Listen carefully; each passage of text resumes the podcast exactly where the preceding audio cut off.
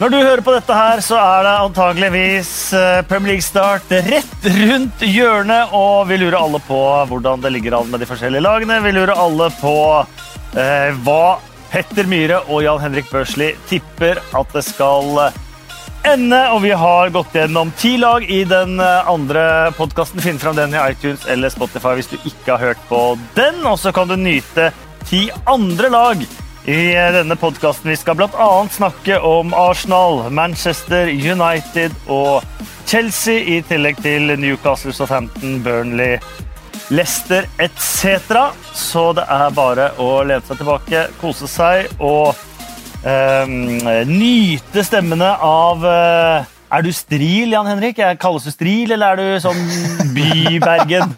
er du stril? Og vet du hva? Der treffer du faktisk spikeren sånn halvveis på hodet. Loddefjord? Nei, men ja. Jeg er, jeg er, jo fra Jeg er oppvokst i Loddefjord. Og det er jo eh, drabantby og asfaltjungel eh, ti minutter utenfor Bergen sentrum. Men store deler av slekten min, for ikke si halve slekten min, kommer ifra Osterøy og eh, innover i Nordhordland. Og de striler. Og der har jeg brukt mye tid i min oppvekst på hytten eh, med besteforeldre og sånt. Så ja, Kasper. Du er bland jeg er litt stril. Ja. det er veldig hyggelig å ha deg i podkasten for aller første gang. Det er Nydelig å få være med i podkasten, Kasper. Jeg har sett frem til det i eh, hvert fall en hel sesong. Er eh, Osterøy Norges største innlandsøy? Nei, det er klart at jo. Det er helt rett. oh, nå var Petter imponert. Jeg er veldig glad her, altså, Petter. Takk for det, Kasper. Gleder du deg? Ja, veldig. Det er ikke så rart, for du er på plass allerede på fredag på Trafford. Det er jeg. reiser over på torsdag. Uh, fyker vi over, og så er det det på Old Trafford på fredagen, og så er det til Newcastle på tidligkamp på lørdagen. Så er det tilbake til Manchester igjen og har Liverpool-kampen på søndag. Trodde du at du var ferdig med reising i Russland? Ja, fikk noen der flashback til uh, Russland nå. Nå, nå, er det, nå er det færre fly, da. Nå er det buss og tog og trikk. Slipper dere Sibir. Ja. Men det der å få være til stede på kampene er jo fantastisk. Det er det. det er jo Skal du over nå? Nei, i år blir det lite reising på meg. Eh, og, eh, men nå har jeg vært heldig og fått reise mye de siste sesongene. Så vi har jo uh, Ingrid Halstensen er jo blitt vår faste ambassadør i uh, Det heter jo ikke ambassadør, hva heter det? korrespondent. korrespondent. Ja. I Manchester skal hun være stasjonert og jobbe derfra. Så Ingrid kommer til å være mest på eh, det vi kaller onsite til stede på kampene sammen med dere kommentatorene når dere reiser. Så da blir det, Vi har jo fått så mange nye rettigheter eh, denne sesongen. Europaligaen, Nations League og eh, Champions League. Mm. Så det blir ekstra mye studiosendinger. Og eh, Jon Hartvig Børrestad og undertegnede har jo delt eh, på Premier League-jobben. Og i tillegg så kommer det da inn litt Europaliga, litt Champions League, litt reising der og sånt. Så mm. For å få alt til å gå i hop, så er dette en kanonløsning. Så Ingrid kommer til å være stasjonert i Manchester og bare bo i England i, eh, gjennom sesongen. Og da, og da overtar hun ansvaret for sosiale medier, da? Som du, Nei, du har jo vært sosiale sosialminister i, i, i TV 2 Sporten. Men så er det sånn denne podkasten her, eh, den spilles jo inn live i 100-timers uh, sending også. Hvis du ser på, så kan du stille spørsmål underveis. Gå inn på 2PL-pod på Twitter og stille spørsmål, så kan vi ta inn spørsmål underveis. Det er vel første gang vi har kunnet gjort det i denne podkasten. Hører du på øret fra iTunes eller Spotify eller andre steder, så kan du ikke sende inn spørsmål underveis. Eh, før vi begynner å gå gjennom lagene, eh, apropos reising og sånt, har du en favorittarena i England, eller Petter? Favorittarena? Eh, det er på forskjellige måter. Jeg gleder meg til å komme til Newcastle. For der har jeg ikke vært og kommentert, men jeg har vært der med Vålerenga. Jeg møtte de Der var jeg òg. Ja. Så det er en stadion som fascinerer meg. Både måten han ligger på, måten han ser ut og stemningen inne der. Jeg syns det er kult å være på de litt gamle, slitte stadionene. Jeg liker meg f.eks. Goodison Park. Enig. Der, når det er trøkk der, så er det sånn god gammeldags uh, gynging. Du kjenner det i hele betongen der. Vi, husker vi var der og lagde sånn uh, Behind the scenes-greier. Scenes mm. Og det var så bikkjekaldt der inne. I ja. garderober, i gang. Det var ikke så kaldt ut. Nei, det var sånn, når du kommer, så var det akkurat som, som du går ut av fly i Syden. Du får liksom den eh, varmedøra i trynet. Men vi gikk inn, det var så kaldt og så kummerlig. Ja. Liksom, og det er liksom noe av det når jeg sitter når jeg er på Goodison, så ser jeg ser jeg det for meg. Jeg kjenner liksom spillere sitter der inne, de har, fra gamle dager, da, med, med varm te i garderoben sånn. Der må du ha te året rundt. Det var bikkjekaldt der inne. Og når du kommenterer, så har du folk i ryggen. Ja. Og er det eh, et eller annet dommerne går Du mot. Everton som de ser på skjermen din når du kommenterer, Ja. så har de de omtrent hengende på skuldra Ja, for, over. ja, og Det er jo det som jeg synes er spesielt. når jeg har vært der, er De forholdene dere som kommentatorer jobber under der. altså Dere er jo bare inni Og så stuer de oss opp liksom blant uh, hardcore eh, Everton-fans. da, Så du er liksom bare midt inni denne greien der. Så sitter du der og skal Så må du gå gjennom Gjennom bortefansen på vei til kommentatorplass. Eller, eller på vei ned. Ja. Hvis vi skal gjøre noe sånn, å, vi må raskt ned, vi skal gjøre noe live på indre bane når, eh, når kampen er ferdig, så veit du at eh, bortelaget har tapt, og så skal du gå, liksom, må du gå motsatt vei av dem. Da. Det er banning, og det er øl, og det er, liksom, det er eh, Men jeg, jeg husker jeg satt på Apropos tilskuere som sitter nære. Jeg hadde jo en episode på, på Emirates. Hvor eh, Der sitter også Arsenal-fansen sitter helt bak deg. og du hører ofte Når du sitter hjemme eh, og hører på matcher, så hører du at de, de skriker Ja. i, inn i mikrofonen vår. Og plutselig så er det en sånn Se det kommer noen flyvende gjennom lufta. da. Tenkte fader, hva er dette for noe, liksom? Så ser jeg det ligger et eller annet under, rett ved siden av skoen min. Og så snur jeg meg, og så står det en fyr der som ler da, uten en tann. Jeg tenkte, faen, er det tanna som kom flyende, eller hva var dette for noe? Og da sånn som pirker jeg bort da, med foten. I ettertid så var ikke det så lurt, kanskje, for det, i og med at det var eh, gommen og den løstanna hans som satt der, som lå på gulvet ved siden av meg. Jeg måtte bare gi den opp. Han var happy, han. Bare heiv den inn, han. Litt, litt basiller fra såla mi, men det gjør det ikke noe. Ai, ai, ai. Fy fader. Ja, jeg hadde en siste på Jeg hadde Everton Newcastle på slutten av forrige sesong. Og Ja. da, da jeg skulle gjennom Newcastle-fansen før match, da tenkte jeg dette går ikke. Eh, Her kommer jeg meg ikke gjennom. Eh, Det ligger video av det på Instagram. Eh, Jeg tenkte jeg får bare gi beskjed når jeg kommer tre-fire minutter etter at kampen har starta, at det var sånn det blei denne gangen. For det, her er det ikke mulig å komme gjennom. Jeg kom meg gjennom til slutt. Du har sekk, og du har dress, og du Unnskyld, unnskyld, jeg er fra Norge. Unnskyld. Du er- kommer deg ikke gjennom der, altså. Vi må begynne å gå gjennom eh, lagene. Vi gleder oss eh, til eh, sesongstart. Og eh, som sagt, får du ikke laget ditt i denne episoden, så er sjansen faktisk 100 på at det er i den andre episoden. som vi også har eh, Men du har sagt en ting. Dette var, jeg var ikke klar over den Petter gjorde meg oppmerksom på det før vi gikk på sending. Du sa til de som var med deg i podkasten i går, Brede og Jon, at den podkasten kommer til å være bedre enn dagens podkast. Ja eller nei? Hvis du hører på en podkast, så sier du jeg ljuger til dere, og jeg skal ljuge til de i morgen. Og jeg sier at begge er best. Du, sp- Å ja, så du spiller oss opp mot hverandre? Nei, du sa, er nei jeg, kommer, jeg kommer til å si til, til Petter og Jan Henrik at den er best, men det var dere som var best. Så. Nei, det var ikke det jeg sa. Jeg sa akkurat som jeg sier til at dere er best, så kommer jeg til å si til de andre Er at du de er kommet på kanten kant med gjestene dine allerede? Ja, jeg høres sånn ut. Oi, oi, oi. Ja, vi snakker Det lover bra. det lover bra. Ja, Det jeg heller snakke Premier League enn meg, merker jeg nå. Jeg må nyte mine siste, siste to timer jeg faktisk har en jobb. Ja, her er det rett ut og grisebank etterpå. Arsenal. Ja. Vi begynner der.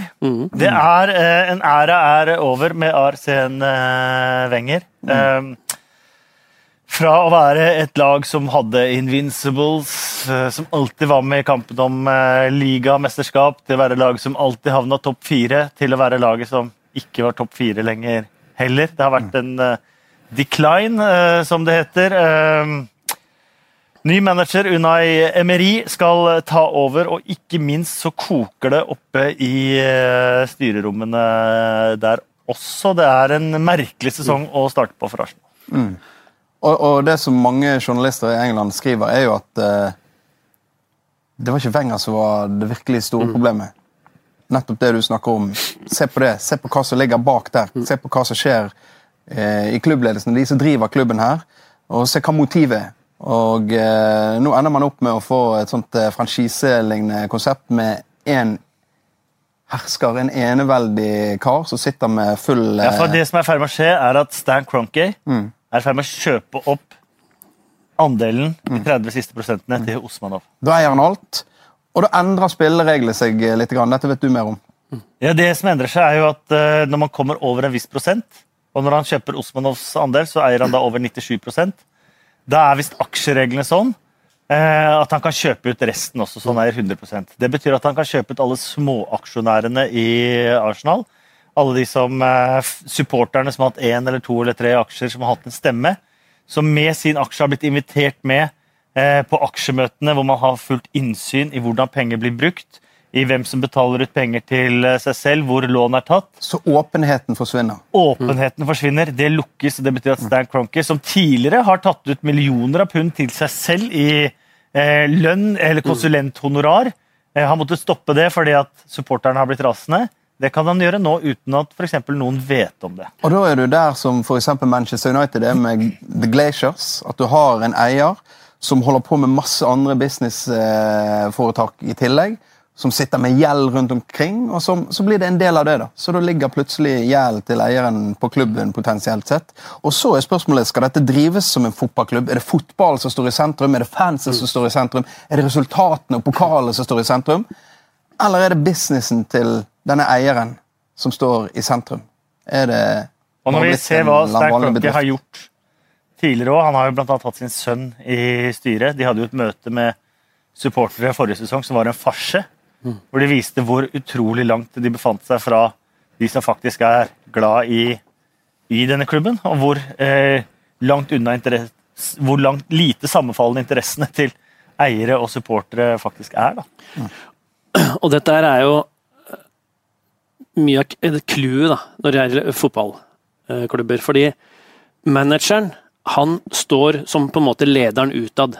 Han får eh, selvfølgelig mye ære når det går bra, og han får all dritten når det går dårlig. Eh, Han er ofte bundet på hender og føtter av forskjellige årsaker til hva han kan gå ut med i media.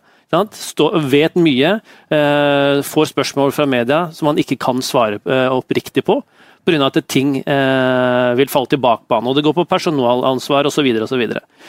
Det som er interessant, da, er jo etter eh, at eh, Wenger forsvant, så ble noe, jeg har nå blitt intervjua en rekke ganger, men jeg beit meg merke til én ting, og det, og det forklarer eh, problematikken til en manager.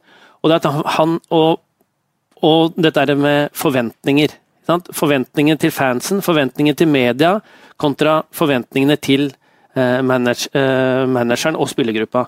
Og det er at han fikk spørsmål den største prestasjonen du gjorde i Arsenal, hva var det? Liksom, husker du, hva, hva, hva, hva var greia du liksom husker? Jo, det var at han klarte å holde den øh, klubben i topp fire når du bygde ny stadion. For han, fordi han sa at da hadde vi ikke ressurser til å konkurrere med de store. Allikevel så greide vi gang etter gang etter gang. Jeg mener at det er den største prestasjonen min. Ikke titlene, ikke Invincible. Sant? Og, det, og det er antagelig ikke så mange supportere eller mange i media som tenker at ok, det er den største prestasjonen. Men han da, fra sitt ståsted, han vurderer det som den beste faglige prestasjonen som han leverte. Han klarte å stå ut av det, være leder, være tydelig, både innad i spillergruppa, utad i media, overfor eiere, og klarte å på en måte dempe mye av støyen, selv om han, selv om han fikk en del dritt, eh, og også ufortjent, eh, de, de siste årene.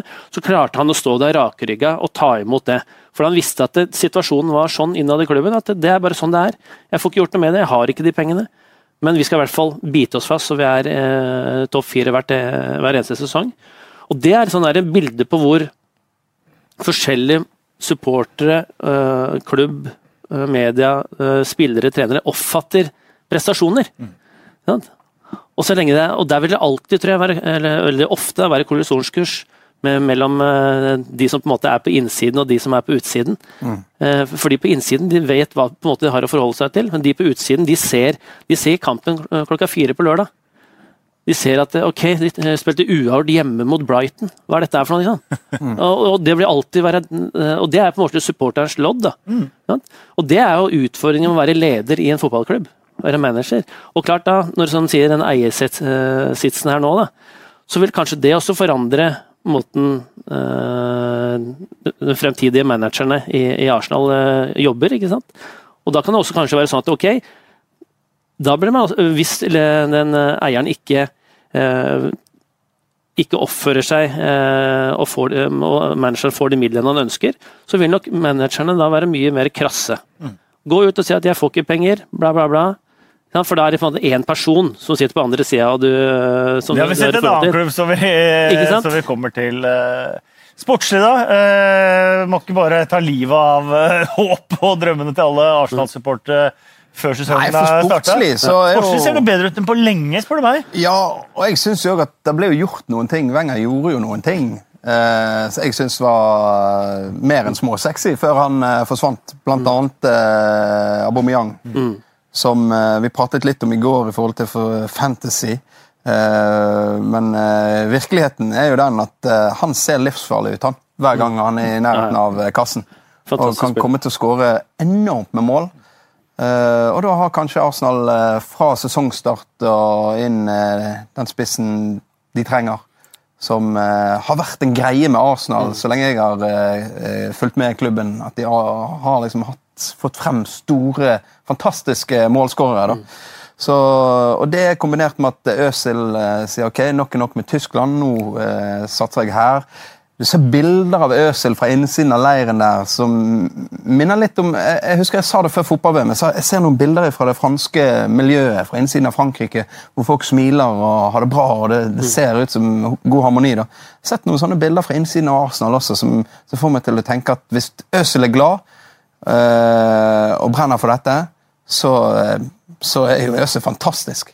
Så, og så Og er det så er det- Mkhitaryan, og så er det kommet noen nye spillere som eh, ja, Og den nye manageren, selvfølgelig, som skal sette Og, sitt preg og det er avgjørende. Avgjørende. Unai Emry, eh, vi elska Wenger, eh, men eh, var også enige om at det var rett å skifte. Eh, burde eh, etter min mening gjort det ett år tidligere. Så, så det, at, det at man gjør det skiftet nå, det tror jeg er positivt, rent sportslig sett. Eh, Å få inn en litt annen type, en veldig krevende manager. Eh, Selvfølgelig, Wenger var jo like dedikert, han, men Emre er krevende på en annen måte. Og jeg har sansen for han. I hvilken Eh, grad blir det en ny kurs for Arsenal-fans? De er jo vant til noe. Eh, man snakker jo ofte om Med Manchester United så snakker man om liksom fotball, historien og hvordan United skal spille tilbake fra Matt er Busby, Ferguson og alt det der greiene. Kan jeg bare si to ord om det? Fordi at Den kontringsfotballen til Unai Emery Nå har vært i klubber som Valencia Sevilla, ikke i PSG, hvor eh, på en måte forutsetningene har vært eh, annerledes. Den har vært helt fantastisk. Det er ikke så ofte man bare forelsker seg i kontringsfotball.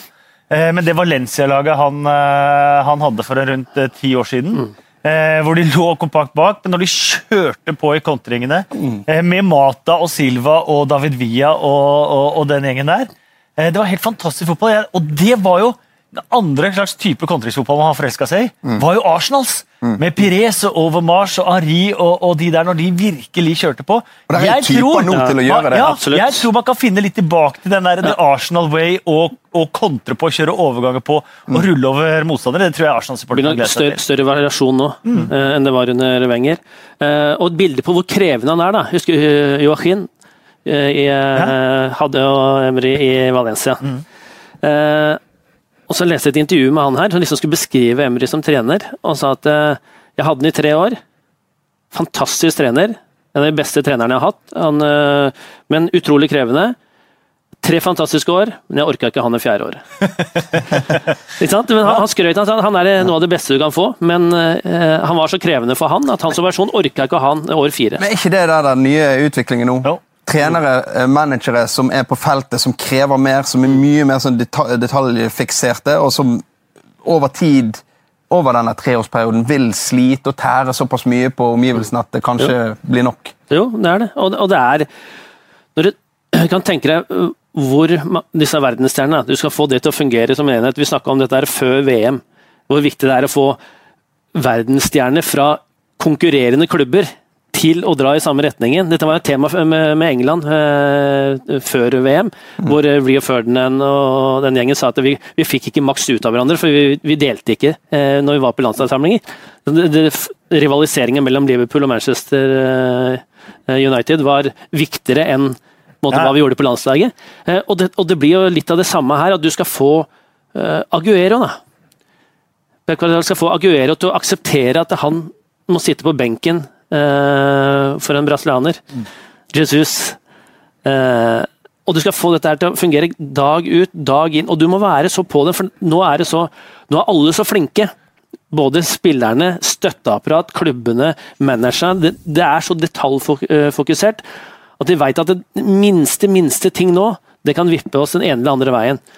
Og da må du ha ledere som er villige til å stå i dette her og være så krevende som det, eh, det kreves. Da. Mm. Og, det, og det, det, brenner på omgivelsene. Det er, alle veit det er typisk der en, øh, han er for snill.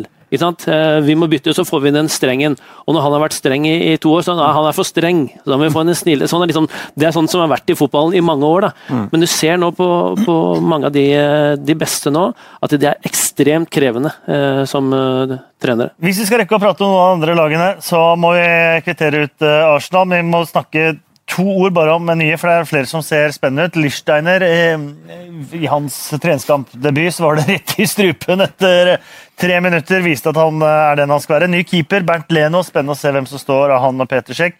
Sokratis eh, i, eh, i Forsvaret, og så er det veldig mange som er veldig spente på Lucas Toreira. Torreira. De ser ja. forsterket ut. Så er det litt næra borte med Jack Wilshere også, selvfølgelig. Ja, men uh, Jack Wilshere har vært et wildcard i de siste fire sesongene. Jeg tror han har starta 44 kamper uh, de siste fire sesongene, inklusiv utlånet i, i Bournemouth. Så, Keeper? Så det var ikke så rart. Men uh, Torreira Få en vaktbikkje inn på midten der. Det tror jeg er en veldig god signering. Men det har det vært mange av. Vi trodde Sjaka skulle være en kjempesignering sånn sett òg. El Neni. Ja, trodde vi Sjaka. Jeg trodde i hvert fall Sjaka. Ja. Jeg, i hvert fall også etter sett den i EM òg, synes jeg bare tenkte at dette er perfekt ja. for, uh, for Asha. Men det har kanskje vært noe med spillestilen også som har gjort at det er vanskelig ja, og han, å fungere. Han, han er ikke den vaktbikkja, syns jeg. Han er jo en pasningsspiller. Han er jo en som kan drive eh, ta, tak i dirigentpinnen og drive tempo opp og ned i kampene. Uh, selvfølgelig så, så, lager han noe frispark og er tøff i duellen, også, men her får vi en forflytningsevne som er, er vesentlig bedre. Da. Og det, og det trenger, uh, trenger dem, tror jeg. Spennende med Arsenal. Vi har stjålet fra Jesper og Jesper og Simen sin uh, eh, VM-podkast. Vår mann! Ja. Vår mann i Arsenal. Aubameyang. Ja. Aubameyang. Ja. Og Tenk deg å få han hele sesongen. Jeg leste, hadde han 98 ligamål på 144 kamper for Dortmund. Han hadde vel 10 på 13 for Arsenal forrige sesong. Mm. Og da, da, skjønner vi hvorfor folk nevner han som uh, potensielt toppskårer i Premier League denne sesongen. Mm. Så han i, i ordentlig form uh, framme der. Mm. Uh, uthvilt etter uh, sommeren. Mm. Ikke hatt VM-styre. Servert av Øsil Miktarian.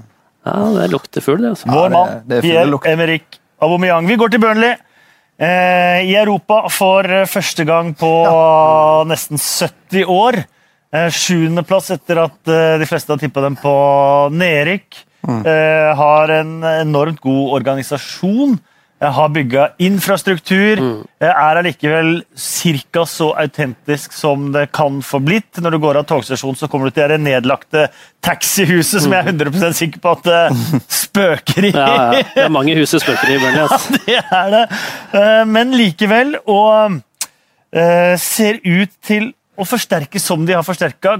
Ikke mange, men eh, forsterkninger og klokt. Ja, eh, kloke forsterkninger, men spørsmålet er om det er mange nok. Mm. Eh, skulle de komme seg videre nå i Europa. De sleit mot Aberdeen nå. Ikke? Mm. Eh, starter sesongen tidligere. Jeg må ikke glemme det. det. Mens eh, det er en veldig lang sesong, og de hadde en tøff sesong i fjor. Hadde jo en litt nedadgående kurve på slutten. Mm -hmm. og da liksom skal starte tidligere enn det andre med, med preseason, ut i viktige kamper i en periode hvor du egentlig ikke er ordentlig i form. Mm. får forhåpentligvis da de torsdagskampene gjennom ukene her nå med, med Europaligaen da er det krevende med den spillestilen som de også har. Så jeg er veldig spent på Burnley. Én for at jeg, de overpresterte i fjor, må være så ærlig. Eh, og det, bare det å skulle gjenskape det i år uten Europaligaen eh, vil jo være eh, en gedigen prestasjon. Skulle de klare det med det i tillegg, da blir jeg superoverraska. Så... Mm. Negativ målforskjell. Samtlige ja. under topp seks hadde negativ målforskjell. Mm. Det. Det er første gang det har skjedd siden 18 95, mhm. faktisk. er det noe siden, det? ja, Det sier litt om den, det store spranget som er mellom 6 og 7 der òg. Mm, ja. ja. Og hvor jevnt det er bak 6 og 7. Mm. Når uh, Southampton uh, endte en plass over nedrykk, og, og Burnley faktisk er det første laget som kommer bak topp 6. Så uh, det er jo alltid vanskelig å tippe i det sjiktet der. da.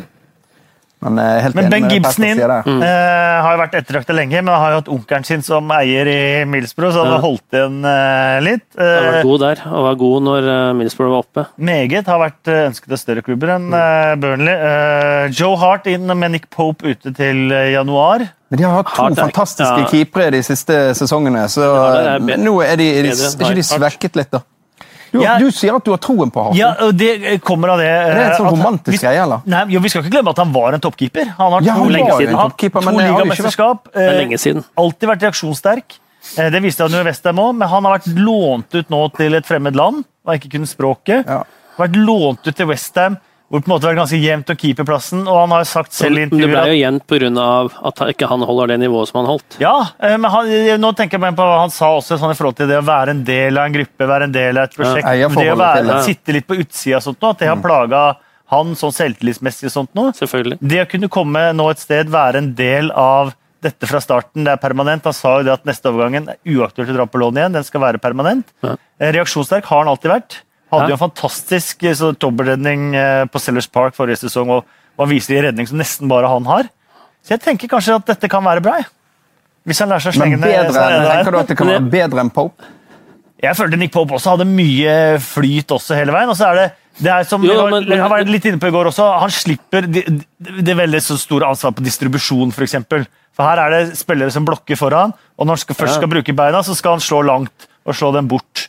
Eh, og han skal være mer en skuddstopper enn å være eh, en, en sweeper-keeper, som han kanskje har vært Det er behageligere, det. Men det man, en, en ting er om Pope uh, spilte over evne forrige sesong. Poenget er at han ville bli målt opp mot det som ble prestert forrige sesong. Ja. Og det var det som var mye av grunnen, som du sier. Og de hadde minus i mål- målforskjell, men fikk så mange poeng som de gjorde. Mm. Det var for at de holdt, holdt det tight bak der. Ja. Så ja, jeg, umiddelbart vil jeg si at det er et lite steg ned. Ja. Så får vi håpe at uh, Hart motbeviser det. Så. Han har i hvert fall tre, tre engelske tredjekeepere i, i stallen. Uh, Matei Vidra uh, kom uh, tilbake på den formen han hadde for noen sesonger siden. Han eh, hadde jo to fantastiske sesonger i Watford, spesielt den ene hvor han ble årets spiller i Championship, holdt på å skyte dem opp i Premier League. Hatt et par down-sesonger, og så ble han toppskårer i Championship forrige sesong. Og nå han, skal han spille på topp for Burnley. Og han gir jo litt noe annet enn det, de der store, sterke spissene til Burnley. Han kommer med fart, f.eks.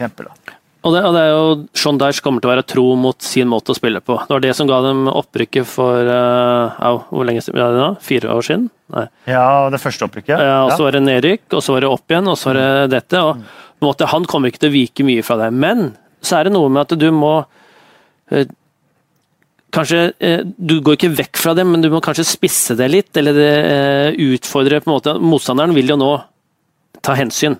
Enda mer hensyn enn de gjorde tidligere til, til Burnley, fordi at de har lykkes så godt. Og det å ha variasjonsmuligheter som manager er alltid behagelig. Det er noen kampbilder som, hvor ting går i stå, og hvis du da kan bringe inn spillere som har en annen spisskompetanse, spisskompetanse, så, så er det alltid behagelig. Men som, som samtidig, han driver og kjører, han spiller jo med de samme folkene. Ja, rådrift. Og det er også utfordringen nå, hvis han skal fortsette med det, da, og har Europa etter igjen. Det går ikke. Vi husker med Leicester. Eh, ja. Leicester skulle spille Champions League plutselig. For, for de gjorde jo også det der. Eh, Ranieri kjørte jo med samme, mm. samme spillerstall hele tiden. Så spilte de 43 kamper eller noe sånt den sesongen de vant eh, ligaen, og så plutselig så skulle de opp i 60 kamper, og så var det Da fikk de ikke det. Og så sier de at man må rullere. Det er alle enige om. for Belastninga blir for stor. Men hvis du da ikke har bredden de har rullere på, og en spillergruppe som ikke er vant til den rulleringa For noen ganger så må manageren gå inn og si at i dag Børsli, så må du faktisk sitte på, på benken. Ja, men jeg føler meg helt fin. Ja, men du må sitte på benken. Ikke sant? Og så er det de mentale greiene der som slår inn. Eh, Og ofte så er det sånn eh, at du, du føler ikke at du er sliten før du har gått for langt. Og det er ikke bare å hvile en dag, og så er du klar igjen. Så liksom det å være proaktiv, da, være i forkant og liksom fordele belastningen sånn, det er vanskelig. Da. Det er kjempevanskelig. Leicester var jeg helt ærlig på det. Jeg snakka med en i, i det fysiske teamet til Leicester og sa at eh, vi bomma. Den eh, ru- rulleringa bomma vi på. Vi bomma på intensitetsstyringa i ukene. Det var noe helt annet. Eh, Og ikke minst da eh, relasjonene, da, når du må bytte eh, på spillere. Leicester òg, når de gikk hele veien, var jo samme laget. Bang, bang, bang. Du har jo vært og pratet med mannen med stemmen òg, Sean Dyche. Ble du redd? Nei, jeg ble ikke redd, for han er ja, Hadde, hadde, hadde, bare, hadde vært mørkt når jeg kom inn i gangen der, for det var, ikke, det var, det, var kummerlige forhold. altså. Jeg kom til Burnley der. Ordentlig kummerlige forhold. Hadde det vært mørkt i gangen og bare hørt stemmen, så hadde jeg vært skremt. Men han er jo verdens blideste fyr. Ja. Eh, omgjengelig eh, og eh, var veldig hyggelig å prate med. Da var det jo interessant, for da hadde de gått en lang periode uten å vinne på bortebane.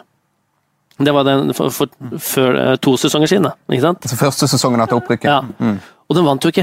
Og han satt der og prøvde å dele hva skal jeg gjøre for noe. Liksom, hva, hva er han deg om- Nei, eller de satt jo trenerteamet. her? Nei, men trenerteamet satt jo der. Så nå, liksom, det ble litt sånn snakkes, liksom, ja, og vi spurte ja, hva har dere prøvd. Hva er inngangen nå? Han fortalte vi skulle se på treninga. Fortalte liksom, ja, ok, nå skal vi prøve sånn, for nå har vi gjort dette her i en periode. Har ikke fått noen respons. Nå skal vi prøve dette.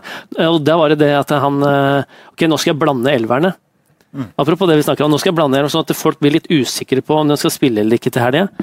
Eh, og, og, og eksperimenterte. da. Etter hvert så snudde det jo. da. Ja. Det snudde jo ikke den kampen etter at vi var der, men etter hvert så snudde det. og det, Sånn er det jo som trener. Det er ikke noe, det er ikke noe sånn det funker, det funker og det funker, mens det funker ikke, det funker. Det er jo ikke sånn. Det er ikke noe sånn fasitsvar Men det var jo oppsiktsvekkende med Burnley forrige sesong på bortebane, når de møtte Ja, de der topplagene. Starta mot. Chelsea og inne 3-2 der i ligaen. og, da er liksom helt snudd, da, fra å sitte den, ha den diskusjonen. og det er jo, og, Men som du var inne på, det som jeg liker, er at de har bygd infrastruktur.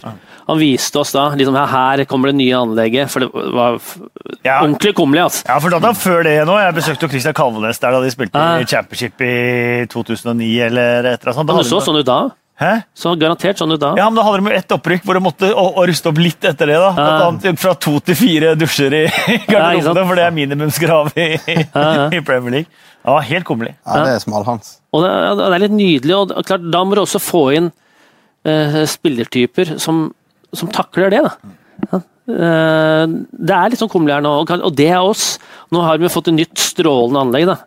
Eh, så, så ting er jo annerledes i hverdagen til de, til de spillerne nå, men tviholder på spillestid, og, og forholdene på stadion er jo like kummerlige som det, Det er, men de er kummerlige og kummerlige. Det er fantastisk. Det er, ja, er, og så er det ingen som protesterer, heller som er mer misfornøyd etter kamp med dommeren enn Shandash. Det elsker jeg, for det går helt under radaren.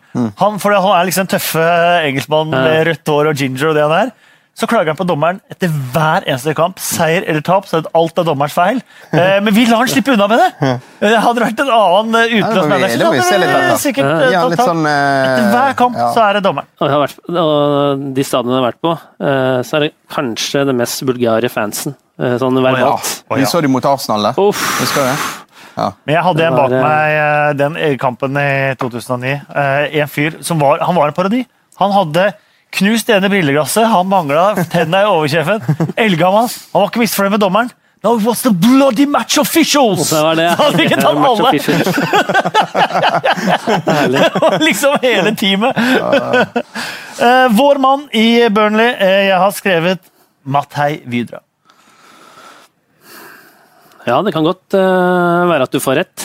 Eh, jeg er alltid usikker på spillere som kommer opp på et nivå eh, høyere enn det de har levert der forrige sesong. Og han har prøvd seg. Jeg tror det var Redding han var oppe. Da gikk det ikke bra. Nei, så, så det er en viss sånn gambling. Og så er det sånn, nå er jo overgangsvinduet uh, flytta fram, da, så klubben har jo dårlig tid. Men sånn, sånne overganger siste dagen-greier og sånn, det er litt sånn der eh, us usikker på. Er det for at de har prøvd lenge og de klubba har holdt igjen, eller er det eller, er, vært- eller er nummer sju på lista? Fordi det Videre har jo vært rundt. Han satt jo midt på torget i Leeds han, mm. med telefonen klar, å- men vi ble ikke enige om lønn, så vidt jeg skjønte. Men uansett, den viktigste mannen der er Sean Definitivt. Definitivt. Det er han som skal på en måte sette Og vi må gi Burnley også honnør for å beholde Sean Dyche også etter nedrykk Ja, ja, helt strålende. eh, sist. Eh, Chelsea er eh, neste.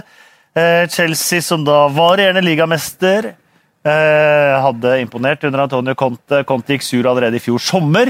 Eh, En skeiv inngang på sesongen. Mye klaging på manglende kjøp etc., etc. Conte vil ikke si opp, Chelsea vil ikke sparke. Det betyr at godt etter VM så var det Conte som leda den første Chelsea-treningen etter at de kom tilbake, før de endelig ble enige om å skille lag. Lot de andre klubbene få et visst forsprang der, eh, kanskje både på overgangsmarked eh, og på andre steder. Nå er det i hvert fall Sarri og Sarri-ball på eh, Stamford Bridge. Han har tatt med seg Jorginho fra Napoli, og det ser ut som han bytter keeper også. utvilsomt en meget, meget dyktig trener. Uh, og spiller en type fotball som er uh, veldig ålreit å se på, syns jeg. Uh, og, men så er det dette her med, som du sier igjen, det styret inn mot sesongstart. vi hadde det forrige sesongen med at Conte var misfornøyd. Nå med managerskiftet og snakket Courtois vekk Uh, Azar, nå så jeg Sarri var ute nå og snakka om at eh, jeg prata med Azar. Mm. Den diskusjonen er lagt død. Han ble hylla da han kom innpå i går. Ja. Ja. Vi må ikke glemme det som er så spesielt denne sesongen. At overgangsvinduet i England eh, og Premier League stenger i morgen. Ja. Mens overgangsvinduene i Spania og Italia de er åpne til månedsskiftet. Det betyr at engelske klubber kan ikke kjøpe, men de kan selge, eller de kan bli tvunget til å selge, eller hva det måtte være hvor langt altså, Du har Asaad Assad i Chelsea, det er en Pogba-situasjon i Manchester United som vi sikkert skal snakke om. så eh, Det at de kan forsvinne, det, det, opphører ikke det når vinduet lukker i morgen. Men samtidig så tror jeg ikke at uh, de engelske toppklubbene med den økonomien de har, mm. at de selger etter at De har ikke råd til det. Nei. Nei. Nei det tror jeg, også, jeg, tror, jeg, tror, det må være en, en ja, deal må... de har med spillerne sine og agenter og sånn, og sier til agentene at mm. Enten så er dette salget på plass, mm. ja. så vi får kjøpt en erstatter. Mm. Eller så stenger vinduet, og det blir ikke salg uansett. Det er ikke vits å ta det opp. Jeg ville i hvert fall tenkt sånn, mm, hvis jeg hadde sittet som uh, eier eller leder i en klubb. At uh, ok, uh, vi forholder oss til vår frist. Men hvis en spiller skaper seg vrang, og nå ser det ikke ut som Edna Sa kommer til å gjøre det, han har vel gitt uttrykk langt på vei for at, dette, mm. at han er grei. Jeg tror Pogba-situasjonen er litt annerledes. Men uh, hvis en spiller skaper seg, slår seg vrang, så det er vel grenser for hvor, hvor mye man skal holde på med. Og, jeg vet jo, ikke, jeg. Nei, og, og, det er jo på en måte typen. Da. Vi har jo hatt flere eksempler, senest forrige sesong med Coutinho. Mm. Uh, hvor det var liksom langt inn i sesongen med at uh, han ønska seg bort til Barcelona. Og hvor klubben sier nei. og ok, januarvinduet er det åpen for det. Og, og jeg tenker at vi omtaler ofte liksom, disse som blaserte stjerner og bortskjemt, og, men uh, innerst inne så er det stort sett veldig ålreite folk. Mm. Mm. Uh, og selv om de selvfølgelig har sin indre drive til at jeg ønsker å komme meg til den og den klubben, så har de en viss forståelse. At ok, hvis jeg kommer nå etter at overgangsvinduet er stengt, den får ikke inn en erstatter for meg, så, så, skjønner de at det sitter lenger inne. Mm. Og, det, og, jeg tenker at det, hadde jeg vært eh, Real Madrid, Barcelona og de klubbene der, da, så hadde jeg også forholdt meg til eh, overgangsvinduet i England når det gjelder Premier League-spillere.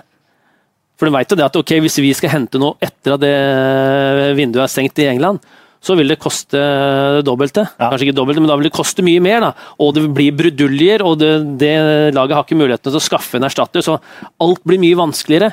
Så, så, sånn sett så tror jeg det skal ekstremt mye til at, for at det skjer noe før januarvinduet igjen.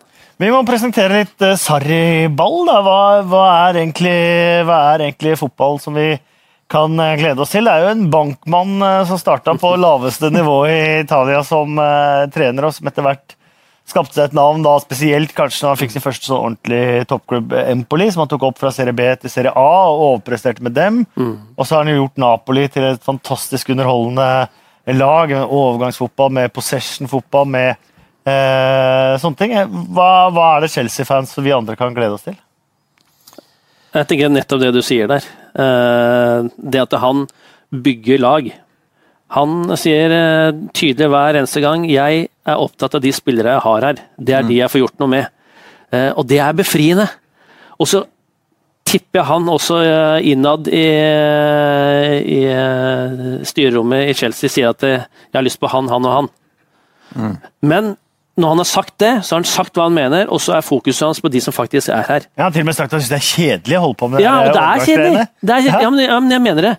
Jeg, jeg påstår at 99 av, av uh, managerne syns det er dritkjedelig med de overgangsgreiene. For det, det, tar så mye energi. Og du skal blidgjøre, godsnakke med de du ønsker å beholde. Eh, du skal på en måte eh, ut og please og kanskje måtte reise da, til, i treningsuka di. Når du har lyst til å forberede neste match, så må du reise til, eh, til utlandet for å prate med agenten der, eller prate med, med spilleren for å på en måte overtale han til å komme til deg. Det tar bort masse energi. Men når, det, men når det er sagt, så må jo Chelsea Eh, se i det selskapet de er, da. Se i det miljøet de mm. konkurrerer. Den ligaen de er en del av. De må jo forholde seg til den virkeligheten. Og i den virkeligheten så er det en del klubber som ja. handler fantastiske fotballspillere. Ja. Så, så, du kan ikke bare slutte. Du må jo, du må gjøre gode kjøp. Mm. Eh, men kanskje er han mer lik da tilnærmingen til Jørgen Klopp, og også handle smarte kjøp og tenke langsiktig. og få Spørsmålet er kan man få eh, tid til å bygge noe her. Eh, han er åpenbart, Du ser hvordan han har løst situasjonen med William, f.eks.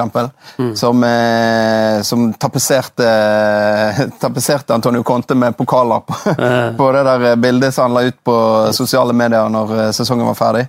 Eh, han har jo da snudd, da. Eh, en spiller som mange kunne tenke seg, en spiller som jeg personlig er utrolig glad i. En av mine favorittspillere. Ja, jeg tenker mm. at Hvis William er glad og går utpå der og får spille fotball, som er det han elsker, eh, så, kom, så, er han en fenomenal spiller. og Han skulle likt å ha sett mer under Antonio Conte. Jeg var på Stanford Bridge eh, en kamp forrige sesong. Da sto vi og ventet på noen intervjuer, og da kom eh, William. Eh, og stilte opp og tok noen bilder med noen unger som var der inne. Han har på seg voldsom manke. Han har på seg svær sånn der eh, eh, Jamaica-lue. Og, eh, og, så var det bare et sånt øyeblikk hvor jeg ble stående og se på. Jeg sto og så på William, og så han sto der og, og, tok de der bildene. Så så han bare bort meg og så bare ga meg verdens største smil. Som en sånn der, eh, En sånn gutt da, som bare Jeg tenker at eh, det er jo I den grad vi skal liksom tenke hva, hva er symptomene, og hvordan ser vi om Chelsea blir friskmeldt etter det de har vært igjennom her nå. Det er en sånn, greie, en sånn liten ting som jeg eh, syns er, er, veldig bra og nydelig for Chelsea at han, han, blir, og han mm. kommer da, tenker jeg, til å få, få spilletid og få spille fotball og, og, gjøre det han er glad i. Og så, og så har vi eh, jeg syns vi har kommet i en tid nå pga. Uh, de vanvittige pengene som har kommet inn i, i fotballen det er at eh, vi glemmer faktisk at det viktigste er å utvikle de spillerne man har. Mm. Det laget, Å sette sammen, komponere det laget, mm. den, riktige spillestilen eh, i forhold til den spilletypene du har. Mm. Inngangen til hvordan møter du eh, den og den motstanderen. Eh, og det å skape, som jeg har vært inne på flere ganger, en enhet. En enhet som tenker at ok, det er vi det er vi som er sammen, og vi er gjensidig avhengig av hverandre. Alle de gutta der har lyst til å vinne titler, ja, men spesielt topplagene. Hvis du har lyst til å vinne titler, så må du samarbeide. Mm. Da må vi tre få dette her til å funke sammen. Hvis ikke så har vi ikke kjangs, uansett hva du ble kjøpt for, hva lønna di er, og osv. Og, så videre, og, og, og det er noe med eh, befriende at, du, at det fortsatt er det som gjelder.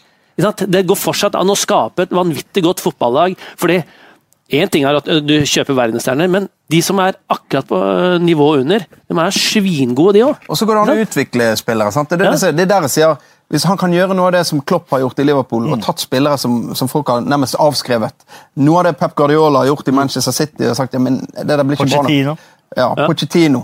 Og så ser vi at spillere blomstrer. At det er ikke sånn at du er enten god eller dårlig. Det, det handler mye om, eh, om den følelsen har... du har også når du driver med det du gjør, og med de du holder på med det sammen med. Der har jeg helt på slutten et spørsmål om Chelsea. Marcos Alonso, er han god nok i en back-firer når han ikke skal være wingback?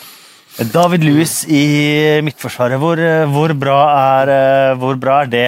Mm. Eh, har man egentlig et godt nok lag, spesielt der, da, til å legge om igjen? Nå har de spilt to sesonger med trebackslinje, veldig komfortable med, med det. Nå skal de tilbake til firebackslinje. Har de riktige typene? Er disse riktige? Er de gode nok til det? Ja, men da tenker jeg at eh, Sarri, når han uh, kommer inn og ser på den Chelsea-stallen Han ser på kampene fra forrige sesong, han ser på treninger. Så finner han ut det. Kan disse her spille min type fotball? Uh, og hva må jeg eventuelt gå på kompromiss med? Eller hvordan kan jeg jenke det? Kan Alonso spille kant, da? Mm. Men tror du, han, kan, tror du, han, er god nok som back i uh, firebackslinjen? Ja, ja for, for, det jeg tenker at det kommer helt an på hvordan du uh, komponerer uh, resten av laget. Mm. Sånn, har, har, du en høyreback som er svingod offensivt, uh, og, og, og, det kladder litt defensivt, Ja, Da må du kanskje ikke ha en kantspiller på den sida som har akkurat samme ferdighetene. Da. Eller hvis du har både en kantspiller og en, en back som er veldig god offensivt og har utfordringer derfor, ja, da kanskje du må ha en sentral midtbanespiller da, på den sida som er, har styrkene sine defensivt.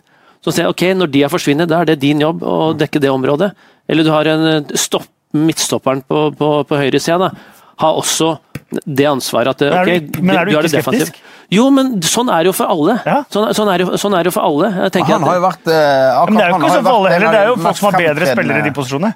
Jo, jo, det er jo, men jeg tenker at det, han har jo øh, Sarri har jo vist at han klarer å komponere øh, et, et lag, da. Og Ja. få spillerne til å se gode ut sammen. Og det er, det, det er jo sluttproduktet. Det er sånn, det er jo, du, du kan begynne å plusse på her. Du, må få maks ut, du må få 100% av 11 spillere. da, skal du få til noe. Det hjelper ikke om, om Bekken gir deg 80% og han sentrale gir deg 70% og sånt. Da, da har du ikke sjans til å vinne til slutt. Eh, og, så jeg tenker at eh, han er rett mann for det, men i en ideell verden så ville jo han hatt eh, enda bedre spillere, han òg. Ja. Men, men og han, mer jeg tenker tid. at, ja, og, han, tenker at han har jo sagt at uh, om tre måneder så tror jeg dette kan bli Ja. et uh, Ja. Det veldig er det, bra altså, fotballag. det, er det jeg tenker mest med det. At det, antageligvis tar litt for lang tid til å mm. Men- men, men tenk ja, men tenk deg inn- inngangen altså. Mm. Eh, ja, de vant FA-cupen, men underpresterte. Det var negativitet eh, gjennom stort sett hele sesongen. Uh, Jorginho er eneste gode signeringa. Ikke sant? Eh, et lag da som mange tenker Lavere forventninger til et Chelsea-lag har man jo kanskje ikke hatt eh, de, de siste årene. da. Ikke sant? Og han kom inn da, ha det som et utgangspunkt. Eh, Det kan være ganske behagelig, det, for han vet at det fortsatt er ekstremt mange gode fotballspillere der. Ikke sant? Men vi hadde jo heller ingen må- forventning til at Chelsea skulle vinne ligaen, og Conte kom inn Nei, og rett fra EM og bare Sant. Han hadde liten tid, kom inn. Eh, gjorde det der grepet etter en litt skeiv eh, start. Vi, vi, husker vi gikk ganske langt i å si wow, dette kan bli skummelt. Mm. Her lever du farlig, Conte, for uh, er du en av de Etter som ender utenfor topp fire? sant? Ja. Og så bare snudde de det, og så gjorde de det. Så det er ikke sikkert du trenger eh, tre måneder eller et halvt år, eller noen snakker om åtte måneder for å sette en spillestil og alt det greiene der. Conte har jo motbevist det og tatt Chelsea til eh, ligatittel, så eh, ja. Og, og, og da var heller ikke Chelsea eh, blant favorittene til i forhold til forventninger. Chelsea var ikke et av de lagene vi tenkte nå går Chelsea og vinner ligaen. Etter den drittsesongen de hadde med siste året til Mourinho. sant? Sant? Nei, Det er veldig godt uh, poeng. Det blir spennende å følge dem. Nå setter de også verdensrekord på overgangssum for keeper. Også 19 spillere allerede ute på lån, så det, alt det er ved det gamle. Uh, vår mann! Er det noen som har noen gode forslag, eller skal jeg komme Hazard. Hæ? Altså. Du har satt Eden Hazard. Ja, for det, og det er igjen og- og det, de, de, fleste, de fleste vet jo hvem han er, så det er, det er ikke noen noe overraskelse. Kan Men, han bli falsk nier i år?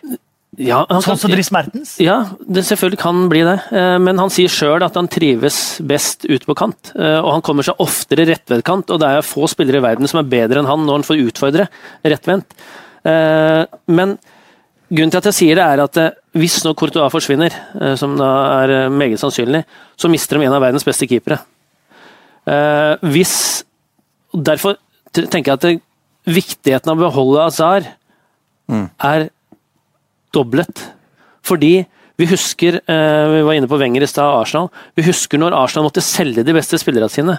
Én ting, en ting er at du mister gode fotballspillere, men det er også noe med signaleffekten. Eh, liksom, hvor lett er det å hente til seg nye, gode verdensstjerner som skal løfte det laget? Hva begynner de å tenke, de som sitter i garderoben og ser at de beste lagkompisene sine forsvinner? Ja? Men jeg tenker at det, hvis Courtois nå forsvinner, eh, så tenker jeg at det å beholde Azar er så viktig. Og Az- Azar er en deilig fotballspiller som ethvert lag i Premier League kunne tenkt seg å ha på laget sitt. Og hvis Chelsea da bare sier at ok, Courtois, det var uh, unga familie i Madrid, naturlig, sånn, sånn er det bare Ikke noen ganger. rekker du ned heller. Eh, Nei, ikke sånn er det bare noen ganger, men vi, skal, vi har henta han, da. Satt verdensrekord i overgangssum på keeper, og Azar fortsetter, og William, eh, som du sier, han får av seg lua si, er klar. øh, ikke sant? Og det, og, det, og det er helt avgjørende, i tillegg til at de har fått inn en kanongod trener. Og så har de, der er jo, der er jo, Vi må ikke glemme at det er mye gode spillere. Da spiller Kueta. Mannen med kjempelårene. Kanté. Ja. Kanté. Verdensmester i fotball. Det. Det blir bra. Det kan bli bra. Ja. Leicester de hadde sin eh, dag i solen for et par-tre år siden. Mm. Så har det vært eh, Ranieri ut, Shakespeare ut. eh, den ene etter den andre. Puel trodde mange skulle få sparken etter en eh, god start som bare ebbet litt ut, men han sitter der ennå. For oss journalister og de som hører på, så er det så kjedelig å høre han prate at eh, man nesten sovner. Og det er jo det som vært litt rapportene fra garderober og, og treninger òg, at han er fryktelig kjedelig. Han prater i ett et tonefall. Jeg tror jeg aldri har hørt noen andre enn Vidar Theisnes som prater i så ett tonefall som eh, Claude Poel eh, gjør.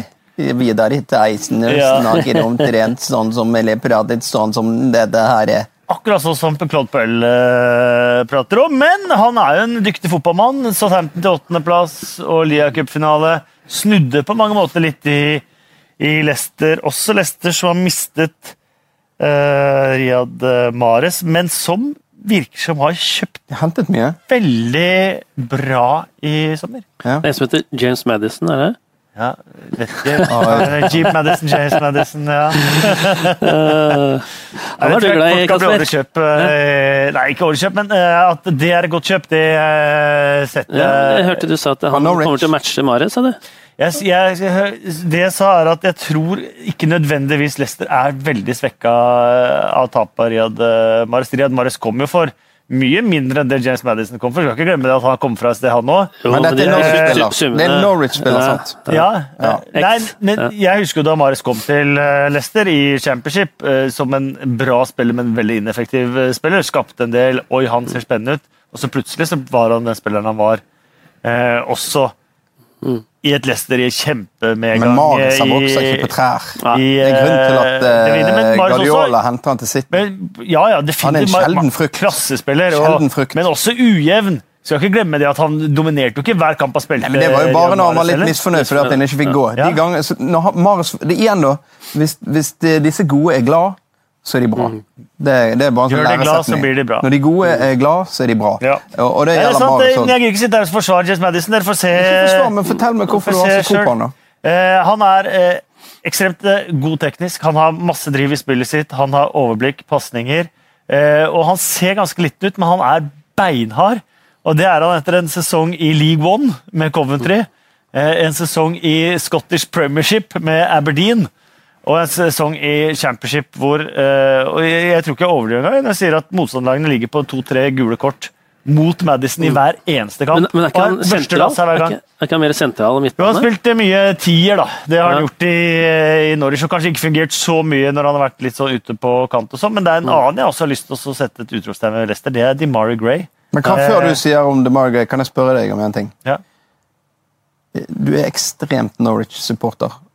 Kan du bli så glad i spillere som enten er eller har vært i Norwich, at eh, det også kan gå litt utover dømmekraften din?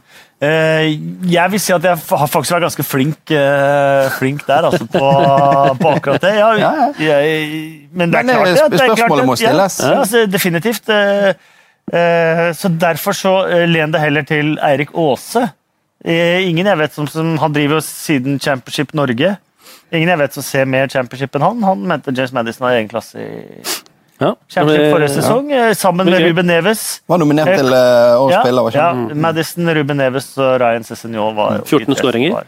Ja, og vel til fra antall assist også, Ja, i tillegg. Oh, ja. Eh, Eh, Kanonsesong. Ja, Ja, ja. så eh, jeg har veldig tro på, Vi noterer oss det. Eh, Johnny Evans i midtforsvaret, Robert Hoot ut. Virker som en veldig God seng Det er, eh, det er en oppgradering. Eh, også ikke minst Rashid Gesal eh, fra landsmann til Riyad Mahrez fra Monaco. Eh, virker som veldig gode signeringer. Ujevn, Ja, eller? Han er jo eh, Han spilte Syns jeg leste han starta sju kamper forrige sesong. Mulig han var noe skada og sånn som ikke jeg har fått med meg, men uh, men det ser fornuftig ut, gjør det ikke det? Ser fornuftig ut. Og utropstegn. Han er eh, som kommer hjem fra VM i midtforsvaret der, Harry Maguire. Han, eh, han spiller seg bare bedre og bedre. Det er ikke så mange år siden vi satt og så på han i championship med Sheffield United. Jeg husker godt eh, Alexander Skau eh, var tidlig ute og sa at han her var en av, en av mine favoritter. Eh, det er noe, han, han, han ser jo ikke ut som fotballspiller. Han er bare Han var- han er så god med ball. Han var Ja, fryktelig Det som var i Sheffield United, var at han var fryktelig treg. Ja. sånn ordentlig ordentlig treg, men nå er han jo 7-8 kilo lettere ja, over hofta der. Eh, så han er ikke kjapp fortsatt, men han er mye raskere enn han var, eh, var da. For Ja. da, da gikk han ser det- litt sånn i gummistøvler. Ja, og god med ball. Ja. Oppsiktsvekkende god med ball. Eh, det der punchet og trøkket han har på dødballer, offensivt og defensivt Han kan komme opp der og stange inn. og Han var involvert i Han ble jo et sånt fantasy-objekt, han, for han var involvert i skåringer. Både med assist og, og skåringer. Så ja, veldig Han er jo en kultfigur. Men- Fantastisk herlig spiller. Ja. Men Leicester er et sånt lag som jeg syns er vanskelig å plassere. Mm. De var jo den derre Han ble åtte i fjor? Nei, ni. Mm. Så liksom alt fra 7 til 12. sju til Ja, Men de har jo, liksom, kanskje de har jo lagt seg på De har jo lagt seg på Ja, så, ja, så middelhavsfarer. Ja. Og- det, for meg så er det fem lag som ligger i den der eninga rett bak Eller ikke rett bak, men ligger eninga bak sjetteplassen. Det er Everton, Leicester, West Ham. Westham, Wolverhampton og kanskje Southampton. Ja, det tror jeg jeg er enig i. Vi skal jo komme med tabelltips etterpå. Ikke Newcastle. Ikke, ikke den stillstanden du ser nå, syns jeg, men det er i så fall pga. manageren. Ja, ja, da. Eh, ja. Den stemningen der òg. Ja, det Ja. kommer vi sikkert tilbake til.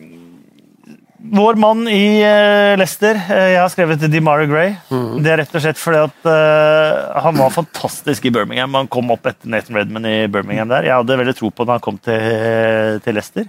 Han fikk aldri sjansen fordi at de spilte med de samme elleve hver gang. Mm. Han ble alltid var innbytteren der, fikk noen minutter. Og Forrige sesong var han veldig nære slags gjennombrudd. Starta en del kamper, skåra tre ligamål. Jeg tror det endelige gjennombruddet kommer denne sesongen. Ja, han har, eh, nå har han fått en del erfaring. Marius ute kan godt være at hvis ikke han eh, godes uh, Gisal uh, slår til, Så er det så det Gray som tar den kantplassen. Virker som en fantastisk preseason nå. Skåra mye mål, fått Mm. spille veldig mye. Men er det du som bestemmer vår mann? Nei, det var mitt forslag til vår mann. Så vi kan også komme? Kom da, ja, da er det Maguire fra meg, altså. Maguire. Ja.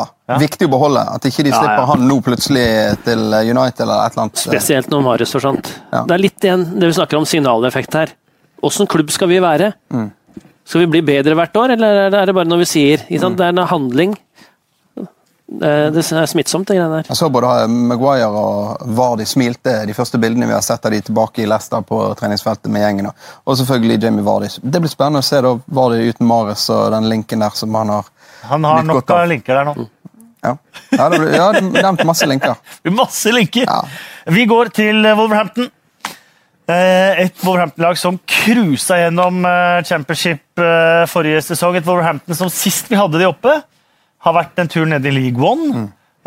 Kommet seg opp derfra. Fått Klubben har vært gjennom mye greier. Mye greier. De har fått nye kinesiske eiere. Kinesiske eiere som også, i tillegg til å eie Wolverhampton, har eierandeler i José Mendes sitt agentfirma Gestifoot. Og det er smart, mm. for da får du José, José Mendes på eh, tribuna, og du får José Mendes til å ordne spillere til deg. Eh, Og det sitter vel faktisk nå også fram til torsdag kveld en del portugisiske eh, gode fotballspillere som ikke tør å ta telefonen i frykt for at de får beskjed om at de må ta turen opp til Black Country. Eh, Men Signerte nordmann i går. Hæ? Kitolano Ja, ble det signering, jeg? Nei, jeg Ja, er ikke det avklart? Jeg vet ikke om det Nei, er kanskje det ikke var helt i boksen. Men jeg jeg tipper i så fall. at han ikke skal spille på en sesong eller to. At det blir noe utlån. Og, Ja, det var det vi og snakket sånt om. Også. Men uh, uansett, uh, de har fortsatt å kjøpe portugisere. De har flere portugisere i stallen enn Porto, tror jeg leste. Eh, de har tatt noen uh, Kutta noen hjørner der med dette her uh, José Mendes, eh, kinesiske eiere etc. Blitt frikjent, men det er veldig mange som stiller spørsmål. Leeds eh, anmeldte de vel også, hvis ikke jeg husker helt feil, forrige sesong etter å ha møtt de. Ok. Eh, For det er jo noe sånn med eh, tredjepartsvarianter og, og sånt noe. Men her er det i hvert fall med massevis av spennende. Ja, og jeg vil si at det er eh, kanskje det laget jeg er mest spent på å se. Eh, og det er fordi, én, jeg har ikke sett dem nok sjøl. Jeg så dem mot, uh, var mot City, tror jeg, i, i cupen. i 0-0 fjor. der, ja. Ja. Det var jo første men men lag som virkelig tok kampen til City. Ja, og da stilte de ikke Reservelaget sitt. Ja, ikke sant? Eh, og, og, så, så jeg har ikke nok egeninfo om hver enkelt spiller, hvordan laget fremstår og sånn, til å til å si at ok, ja, jeg kjøper det du sier der. For jeg hører alle er så ekstremt positive. Ja, det er klart, de, de bada jo gjennom uh, championship. Uh, Skåra mest, uh, slapp inn minst, klart mest poeng. En av dem uh, De tok jo ett poeng på de siste to ja. kampene når de var klare. Så de, kunne jo, de var jo som City da, i, i championship. Ja. Og så er det sånn Jeg elsker jo lag som har en identitet da, i forhold til hvordan de ønsker å spille. Og de er veldig tydelige i spillestilen sin. Og så er det Vi husker Swansea, når de kom opp. Ja, dette er det som skal øh, gi oss suksess i, i, i Premier League. Og, og, de lykkes, for de har jo en ambisiøs spillestil. Mm. Det er ikke tvil om det. Så jeg er ekstremt spent på det Wolves-laget. Uh, og hvis de innfrir alle de godordene jeg har hørt, de godordene jeg har lest, og, det, og, det, lille jeg har sett av de, så ja. Da blir det spennende å plassere dem. Tipper de på syvendeplass? Jeg har ikke tippa de på sjuendeplass. Du skal få tabelltipset mitt etterpå. Jeg husker du var ute og meldte et eller annet uh, om hvor voldsomt bra de kommer til å gjøre det. Ja, jeg har sagt at de kan være med i det sjiktet bak sjetteplassen, så da er det naturlig at de kan havne på uh, akkurat som en tre-fire andre lag. Og bak sjetteplass kommer syvende. De kjører en Trebekslinje. Mm -huh. uh, og det er ingen tvil om at hvis man ser på det laget de hadde forrige sesong, at det var uh, god blanding av eh, finesse og proven championship-spillere, skal vi si det. Eh, og Nuno Espirito Santo eh, gjorde en fantastisk jobb med de. Og Espirito Santo, som betyr Den hellige ånd, manageren, han var jo også Mendes sin aller, aller første klient da han var spiller. Så de har et tett, tett forhold. Mm. Motinho inn der, Motinho inn, og Ruben Neves ja. Uh, som spilte i fjor, han har blitt sammenligna med Og han er en ny Motinho! Ja? Fordi jeg liker spillestilen. Ja, da kan det overføringsverdi der. Spørs ja. om det blir for like, da. Ja, det er akkurat det, da. Det er uh, Patricio i goalen der. Tror jeg han uh, går rett inn. Å oh, ja. Oh, ja. det var kanskje det svakeste leddet de hadde mm. forrige sesong også, selv om han fikk mye gode ord. John Ruddy. Mm.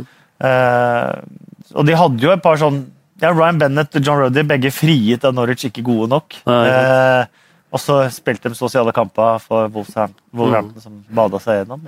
Så det, ja, og så virker det som de har en plan. Da. Ja, og Conor Cody, midtbanespiller som er gjort om til midtstopper uh, for å kunne spille bakfra. og sånt, har gjort en fantastisk jobb der. Så. Flere, flere av låna fra forrige sesong til permanente overganger. Uh, så Det virker som de har en plan, og så vil det alltid være kritikere til uh, sånn, som du snakker om, sånn type samarbeid. Liker du det? Jeg, jeg, jeg, var mye mer kritisk til sånne ting tidligere enn jeg har vært nå. for jeg tenker at nå har jeg vært i opposisjon så lenge og blitt så grå i håret at nå, må jeg bare, altså, ja, jeg tenker, ikke lenger? Nei, men jeg tenker at ok, de, hvis vi skal sitte og diskutere penger hver gang, det er en overgang, og vi, om man er verdt penger eller ikke, at det er et kjøpelag det, Ja, men alle er jo det. Ja. Det, så jeg synes jeg, det som jeg syns er interessant å diskutere nå, er hvor god er det han spilleren? Mm. Og så folk sier at ja, hvem har, hvem har vært best i overgangsvinduet? Jeg vet ikke, det kan, vi, det kan vi snakke om i januar, da. For det liksom, Alle har så sterke meninger, for da, det foreligger ikke noe fasit. Så da kan alle fra hele verden mene noe knallhardt. God, han er årets kjøp, han er eh, årets fiasko, bla, bla, bla. Men det er ikke så enkelt. For en som har vært dritgod i en klubb og i en liga, er nødvendigvis ikke dritgod i det, det, stedet han kommer. Det har vi sett mange eksempler på, og vi har sett eh, eksempler på stallfyr som plutselig har blomstra som, som, bare det. Og det er det som er kult! Mm. Det er det som er gøy. Og, og det er derfor preseason logger jeg helt av. Ja, men kokker, jeg, jeg, jeg, Vi korker den flasken der. Videre, videre. Ja, eh, da tar vi vår mann. Vår mann Wolverhampton, Ruben eh, Neves, han var kaptein for Porto som 18-åring i eh, Champions League. var jo de som for det første klødde seg i huet da han skulle til championship, mm. men også de som tenkte hvordan vil han takle det? Det taklet han meget bra. Mm. Eh, nominert til årets spiller i championship. Skåra definitivt årets mål i engelsk fotball. Eh, og Hvis du ikke har sett det målet, så gå inn på YouTube og finn fram eh, Ruben Neves' scoring Wolfs, for det var en vill scoring. Nå skal han til Premier League. Vi gleder oss til det og går til Westham. Mm. Og apropos kjøp. kjøp! De har brukt sommeren godt. Både ny manager i Pellegrini, en mann som har vunnet Premier League, en mann som har gjort det bra i lag som Malaga og mm -hmm. de nest beste, tredje beste klubbene som vet hva det går i, og som vet hva ligaen går i. Utrolig spennende. Eh, og som har kjøpt en hel buss med spillere. Rett inn på London Stadium. Best, beste signeringa er Pellegrini for meg. Ja. Jeg liker han som Og du liker han så godt? Ja, ja for jeg tenker at her får du inn en West- Westham er- Westham er- Jeg syns Westham er en kul klubb, da. Eh, og det er litt sånn der eh, Men det er eh, Det har jo ingenting med saken å gjøre. Nei, men bare for å gjøre ferdig resonnementet, da. Men Ja, men for å gjøre ferdig. Alle syns det er en kul klubb, da. Men, men, men, det er en, men, men det er en kaosklubb. Ja. Det er for mye cowboyer der. Det skytes fra hofta. Det er, og da trenger du en sindig, erfaren leder som går inn der, og som veit hva dette går i. I tillegg til at han som du sier, har hatt klubber, eh, gjort middels- til gode klubber. Eh, han kjenner ligaen. Og du, kan- du kan godt si at han framstår litt kjedelig, du er jo glad i å og noe sånt med, med verdens treigeste stemme, men, men, men poenget er at det, det er noe trygt og godt over den. Og jeg tenker at en klubb som Westham trenger det. Eh, og så kan sikkert folk si om to eller tre sesonger at å, vi vil ha mer entusiasme, vi har, når det går dårlig så vil det helt, helt sikkert bli møtt med ja, vi vil ha en sånn konte på benken som er litt engasjert, og den får du alltid. For du får jo alltid, når det går dårlig, så får du alltid at de ønsker det motsatte av det du har. Men, men han inn der med, med sin filosofi. For Westham har alltid vært en fintspillende klubb, hvis vi kan kalle det det. Mye artister, godt blanda med, med, med arbeidsjern og Noble. da. Mark Noble, som liksom har vært kaptein og liksom the local lad i alle disse sesongene. Han har jo alt. Ja, selvfølgelig så går også hans eh, nivå nedover eh, pga.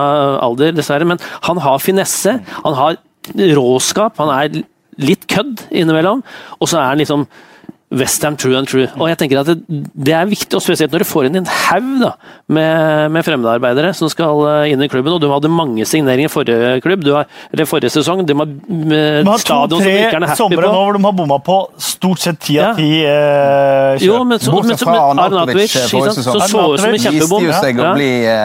Ja, og det har vært et og annet. Det har vært Lanzini, og så har det vært Payet. Ja. Eh, og Og så er Chicharito kommet tilbake fra et VM hvor han eh, Ja. ut til å finne sparken igjen. Jeg, Og litt- jeg litt sånn det er ser, mer, ser, ser mer trygt ut i kjøpet det har gjort nå da, enn jo, Jo, tidligere. jo, men, jo, men se nå. Uh, Fabianski er jo en safe greie Nett- nett. eh, i, i mål. Nettopp. Men hvor mye bedre er den enn det de har hatt? Jeg er usikker. Jeg er veldig usikker. Eh, Adrian kontra Fabianski. Hansky, som han eh, Ja, ble kalt. jeg er usikker på om det er noe oppgradering. Eh, Jarmolenko, som var strålende i Dynamo Kiev, er også en herlig spiller å se på, har på en måte alt. Ja. Floppa totalt i Dortmund.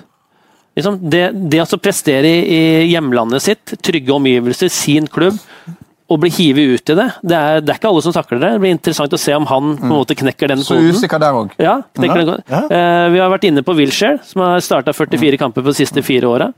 Kjeks. Ja, Helt men, naturlig men, men, usikker. ja, men som, hvis han slår til, er mer enn god nok. Ja, er men Da han var skadefri i Bournemouth, så endte han faktisk på benken etter hvert der òg. Ja. Selv skadefri. Eh, Filippe Andersson, som uh, da har vært uh, strålende i Lazio, er det vel?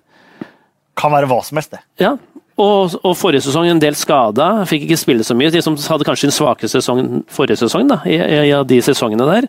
Uh, han eh, En som jeg er veldig spent på, uh, han Diop, Issa Diop. 1,94 høy, 90 kilo, U21 eh, franskmann. Sånn, spilt to sesonger i Toulouse. Liksom, tenkte at oh, råmateriale. Jeg har, jeg har ikke sett han nok Nei. til å, Men jeg gleder meg ekstremt. Tenk hva. Kurt Zuma, liksom. Ja, og da tenker jeg at det, fader, kanskje er det som skal inn i det Westham-laget der. Men igjen, da. Unggutt som kommer til en ny liga. Han eh, juksa her, Balbuena. Men som aldri har spilt i Europa. Paraguay-landslagsspiller, ja, men ikke vært i Europa. Skal takle det, språk og så, ikke sant? Og det, så, jeg tenker, Igjen så har de gambla en del. da. Og klart, Hvis en del av de gamblingene går inn, så er det liksom wow! Dette var Paillette om igjen, eller ikke sant?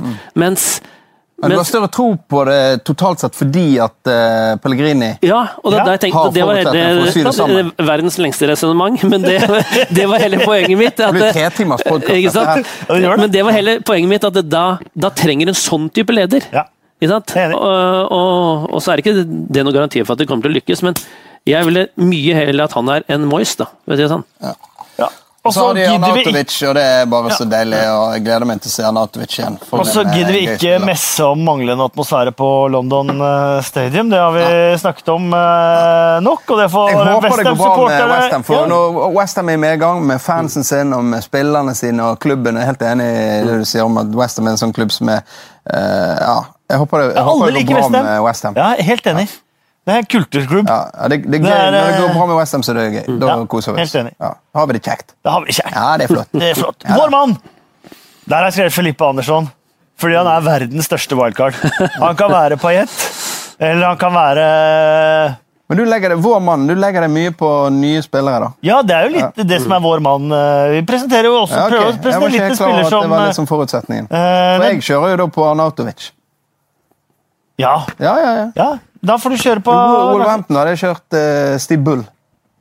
Ja, ikke sant? Ja. Andy Mutch og Min Steve i Sånn apropos spissbar. Ja, ja. Det må være det eh, beste spissparet som aldri har spilt i øverste divisjon noensinne. Ja, men ok, din mann. Min mann er. Filippe Andersson, eh, rett og slett fordi at han har vært så ujevn, så mye prega av skader.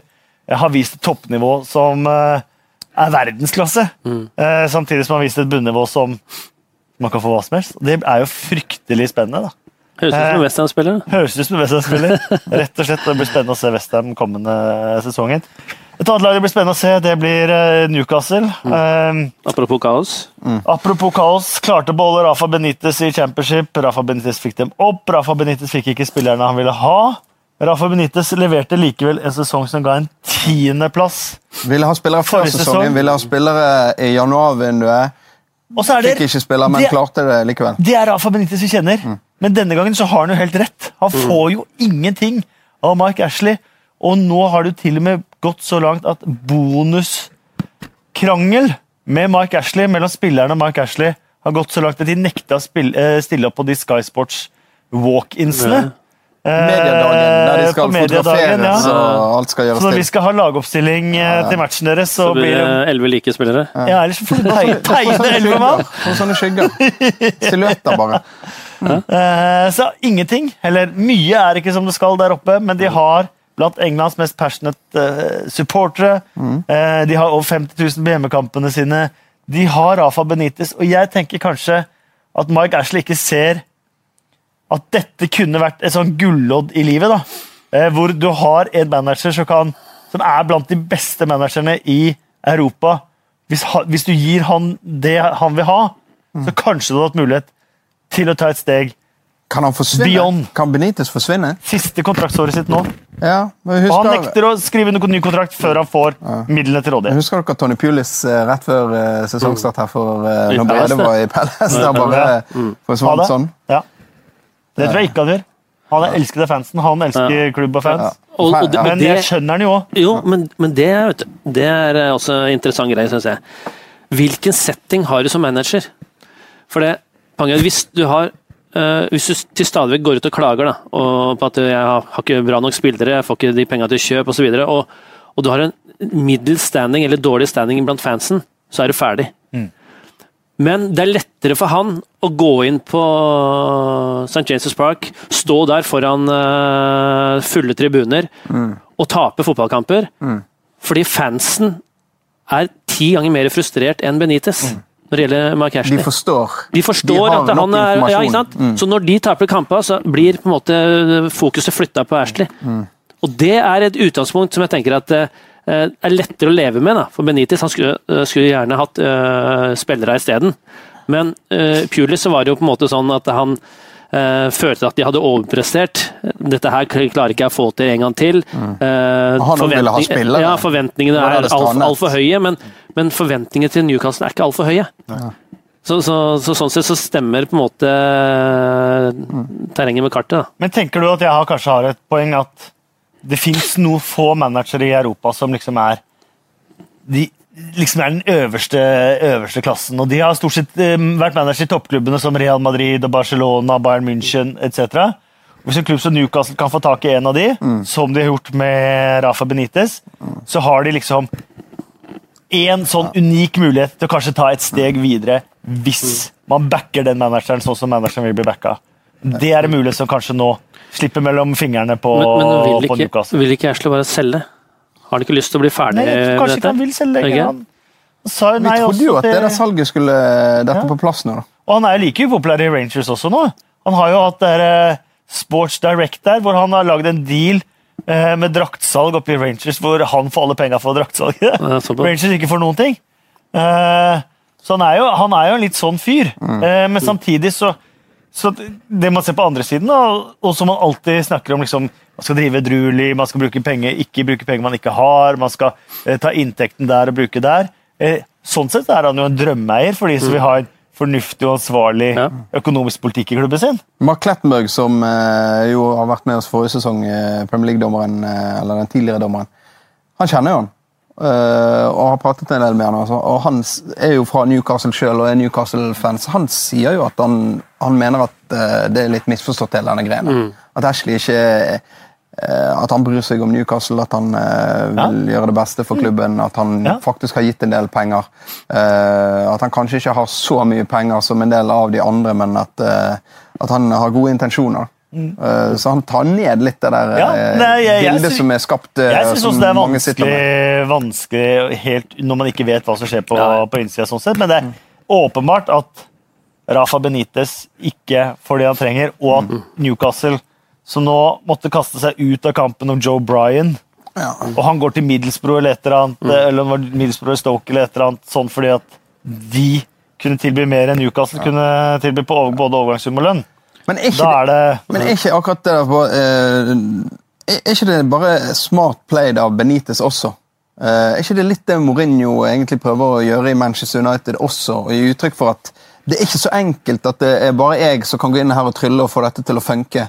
Dere må forstå at eh, det er andre som skal gjøre jobben sin i dette systemet også. Dere må forstå noen andre sammenhenger for at det skal bli bra på banen, for at spillere skal komme på plass osv. Så, videre. så henger det sammen med økonomi og de som skal kjøpe spillerne og selge spillere og få alt det der til å funke.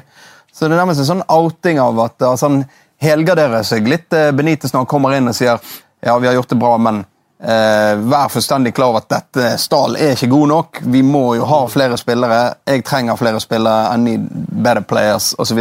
Han sier jo det er jo samme retorikken. Så eh, det er liksom bare å sørge for å ansvarliggjøre en del andre i systemet og skape inntrykk av at eh, det er ikke så enkelt som at det er jeg kan gå inn og bare trylle. Men tilbake til det som vi snakket om i stad. Jeg tror at uh, Mourinho er mer på kollisjonskurs med virkelighetsoppfatninga til eh, media da, og seerne og fansen enn det det er i Newcastle. Og det, det, vi det gjør ting annerledes. Ja, vi skal snakke om Vi United. kan Kommer, komme Men, tilbake men til det. Newcastle har jo det er ikke helt mørkt, syns jeg. det. Nei, Jeg, jeg, jeg syns- jeg syns de så solid, solide ja, så solide ut. Og, bare um, uh, han Kennedy, eh, som de beholdt Eller uh, forlenga låneavtalen. Mm. Dubravka, som kom vel midt i sesongen i fjor, ikke det? Ja, var, januar, strålende. Dubravka og Kennedy kom begge. Ja, ikke sant? Eh, Fabian Scheer inn som stopper. Det er i hvert fall et alternativ. Eh, Key har masse erfaring uh, fra ligaen uh, med Swansea. Men hvem skal skåre målene? Nei, og det er Rondon ble signert nå, da. Og han har jeg kikket på. Jo, de tre siste sesongene så har han skåra sju i fjor, åtte og ni. Ja. Så, Det har jo Benite sagt. Hvis du betaler 15 millioner pund, så får du en spiss som kan løpe. Hvis du betaler 20 millioner pund, så får du en spiss som Mm. kan skape sjanser. Hvis du betaler 30 millioner pund, så får du en spiss som kan skåre mål. Eller Mm. hadde en eller annen sånn rekke med hvor i prisklassen, og Rondon ligger jo nederst der, da. Ja, ja. Uh, Men likevel, jeg, jeg syns jo det i sum da, ser lysere ut før denne sesongen enn forrige sesong. det er enig Mm. Så liksom uh, Men de overpresterte forrige sesong. ja, ja, gjorde de det? Ja, I hvert fall I, i, I forhold til, tabellplassering, men hva de hadde poeng her? ja? De hadde 44 poeng. Ikke sant? Jeg syns ikke det er noe overprestering. Nei, jeg mente for, et lag. Hadde, hadde de tatt eh, ett poeng mindre, så hadde de vært på 13.-plass. Ja, Men men jeg fire- mente- 44 poeng under er nyopprykket. Jeg mente er før forrige sesong at det var ikke mange lag som hadde dårligere stall spiller for spillere enn uh, Newcastle. Nei, men, ja, men Vi går videre. ikke- Ja. Eh, og da eh, tar vi eh, Watford. Eh, eh, også et lag som eh, har en tendens til å skifte managere. Så ofte faktisk at jeg satt her på, for to dager siden på eh, 100-timerssendinga, og så tenkte jeg Hvem i all verden var det Watford ansatte etter at de sparka Havi Gracia? Og så satt jeg bare øh, Nei, nå må jeg faktisk inn på Wikipedia for å sjekke. Og så gikk jeg inn og så de sparka ikke av i Gracia! Og det syns jeg var overraskende. Og, og mannen med det mest, eller manageren med det mest irriterende etternavnet. Eh, Gracia, ja. ja, ja Garcia der. Så, tunga krøller seg hver gang jeg skal si navnet hans. Men du kan lese her, da. For dette her er eh, Watfords siste hjemmekamp forrige sesong. Det, den var jeg på. Intervjua John Motsen, som for øvrig har signert programmet, som man kan vinne. Eh, og hvis man leser uh, Havi Gracias uh, notater her Dette er å regne som et uh, Avskjedsbrev. Er det det? Ja. Okay. Jeg, og jeg leste dette her og tenkte yes, da ble dette hans uh, siste. Her sier han tusen takk til fans, og det har vært en flott opplevelse. Men det der er så spesielt med Watford, for kom, vi har sittet med det der konseptet som de holder på med, uh, å, å flytte mye spillere, og så har jo de de har gjort noen gode sesonger i Premier League, og, og så har de likevel sagt at Nei, men nå er det takk til deg, nå må vi ha inn en eh, ny manager. Og vi har tenkt, vi har tenkt Hvorfor alle dager skifter de manager nå, da? Og den gangen vi tenker at de skal gjøre det, gjør de det ikke. Så eh, kødder de bare med oss, eller? Nei, nei det er, det er, igjen så har vi jo et, uh, et konsept som er utenom det vanlige. Med eiere som har eh, eid flere klubber, eh, som har flytta spillere mellom klubbene, eh, som eh, har gjort eh, gått sport i å bytte managere. Eh, ekstremt Uansett om de har gjort det bra. ja, og ekstremt mange nasjonaliteter i, i en spillergruppe. Eh, og egentlig har de lykkes mot sunn fornuft. Da. Ja. Mm. Og, og, jeg synes De har redda sin at de har gjort en del eh, gode signeringer. De har gjort eh, gode penger på, på signering. Så sånn, De har et rent enormt speidernettverk. ja, så, så, så rent som businesskonsept så har det jo vært eh, genialt. Eh, Men du liker det ikke? Nei, for meg så strider det litt mot det som på en måte er fotballens idé. da, Hvordan man eh, skal, skal drive en fotballklubb. Så, men igjen, da. Trender forandrer seg. eh, Ting forandrer seg. Men jeg, jeg har ikke noe sansen for uh, trenere som gjør det bra, da. Uh, Syns jeg bør behandles med respekt. Eh, og flere av de som har vært i, i Watford, har gjort det bra, men har likevel fått sparken. Eh, og, og da tenker jeg liksom, ja, hva, hva er greia da, liksom? Ja, da du får du sannsynligvis en ny manager inn, da, men hva, hva er han jeg, jeg er såpass gammeldags at jeg liker at når folk legger sjela si i klubben da. Når du kommer inn, og så kan du si at ja, når du vokste opp så holdt du med det laget, men nå spiller du der, eller nå trener du der. Og da er det på en måte en del av det. Da er det familien din, da, så lenge du er der. En stor del av familien din. Men jeg tenker, skal jeg tatt over uh, Watford nå, da? Og veit at de skifter manager på manager, så uansett om jeg eh, overpresterer så er sannsynligheten at jeg er ferdig neste sesong, er stor allikevel. Og, liksom, og da tenker jeg at da ville fokuset mitt blitt ekstremt egosentrisk. da. Eh, og du, liksom, du, du gidder ikke å pakke ut av kofferten engang.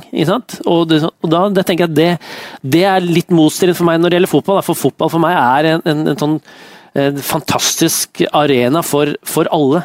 Med, om det er spillere eller managere eller folk som, de som jobber på kjøkkenet, eller de som eh, materialforvalteren som legger til rette. Liksom, du, du, blir, du er der så mye at det blir en så stor del av livet ditt. At eh, du har, Jeg tror på at det må ligge i bånn hvis du skal ha suksess over tid. Men, tror du ikke eh, det er det de har gjort? At de har lagt til rette for at de har enormt gode speid, eh, Ja, speidnettverk? det har For de. de får mye gode spillere. Spillere blir godt tatt vare på. Mm. Kitman og alle de blir tatt eh, godt eh, vare på. Tidlig de blir tatt godt vare på.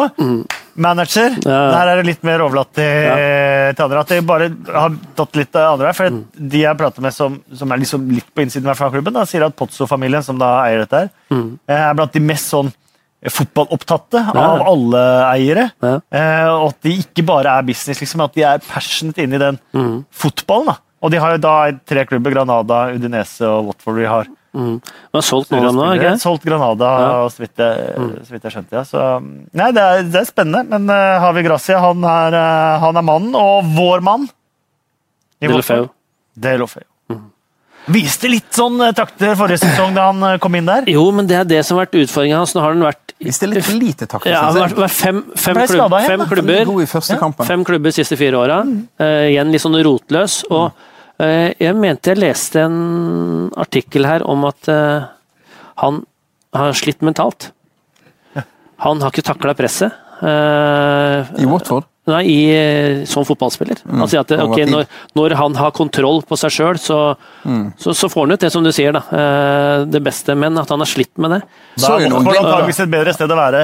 Selvfølgelig. Der er det mindre, mindre press mm. og, og sånne ting. Men det er jo en interessant greie, da. For det, ting må funke, altså. Det er ikke bare beina som skal være lette. Du, du bør ha med topplokket òg for at ting skal fungere. og Det, der, det er jo et samfunnsproblem.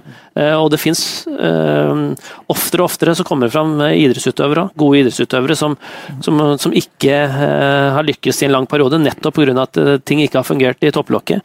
Og Han eh, har hatt en sånn greie, så han er igjen, da, som vi snakka om wildcard denne sesongen her. Eh, Jeg syns ikke han har vist nok til å si at ok, det er en eh, Men magisk på sitt beste.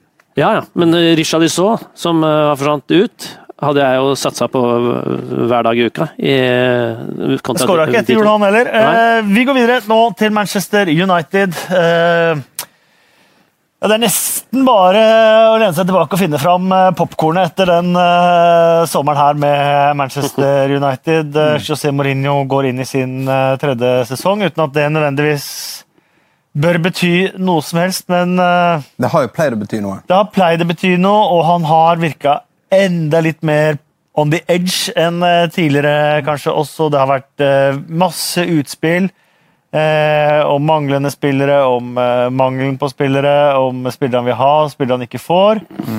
Og så Noen har bitt seg fast i det man opplever som kritikk av unge spillere i enkelte kamper. ja, og så kommer jo da beskjeden i dag om at Paul Pogba Ber på sine knær om å få lov til å dra til Barcelona. Ja, ellers så så jeg en annen at det er enten det eller opp 200 000 pund i uka i lønn. Og det har jeg større forståelse for, for dette er jo da i så fall en sånn følgegreie fra lønna til Alexis Sanchez, som nå antageligvis tjener mer enn dobbelt av Pogba. Og nå er han verdensmester, så Ja, gi meg litt mer. Det er en naturlig ting i hierarkiet, er det ikke det? da? Jo, men det er jo, det er jo det jeg ofte snakker om som man glemmer, da. det er når folk ber om uh, lønnsforhøyelse. Så, så skaper det, eh, legger det premisser for fremtidige forhandlinger. Det var jo, det snak det var jo snakkisen med Ja. Sanchez Ja. eh, forrige sesong. Ja, isolert sett så har Manchester United mer enn nok penger til å lønne han det. Mm. Men da må de også vite at det totale lønnsnivået, lønnspotten de neste tre, fire, fem åra, den kommer til å bli mangedoblet. Nettopp pga. at de som skal reforhandle, vet at det er han som sitter der, og som heller ikke presterte veldig bra forrige sesong, eh, han har så mye mer enn meg. Eh, og så vet jeg at ok, hvis jeg går til den klubben, så får jeg sånn. Uh, og, og da, denne, så, så, for det, det- så det, snøballen snøballen begynner bare å rulle, da, og det er viktig når du skal uh, folk, Det er så enkelt å s- sitte utenfor da, selvfølgelig, og snakke om at det, er- det lønner seg med lønnstak og, Men den og så videre. snøballen ruller jo i en klubb, men den ruller jo vel så mye i alle de andre Jo, klubbene. og- Du ser jo Kane må opp i lønn i Tottenham, Ja, og de beste men, men, spillerne må opp i lønn. men poenget altså, ligger vel han fortsatt lavere, gjør det ikke det? Vesentlig lavere. Jo, for det, det, er, det er liksom poenget at, Hva er- er at alle, klubb, kan, da? Alle kan leve av 180 000 pund i uka. Så det, er, det, er ikke, det- er ikke fordi man tjener sier det, 180 000 pund i uka man er misfornøyd, men man er misfornøyd med, fordi at lagkompis tjener 380 000 pund i uka.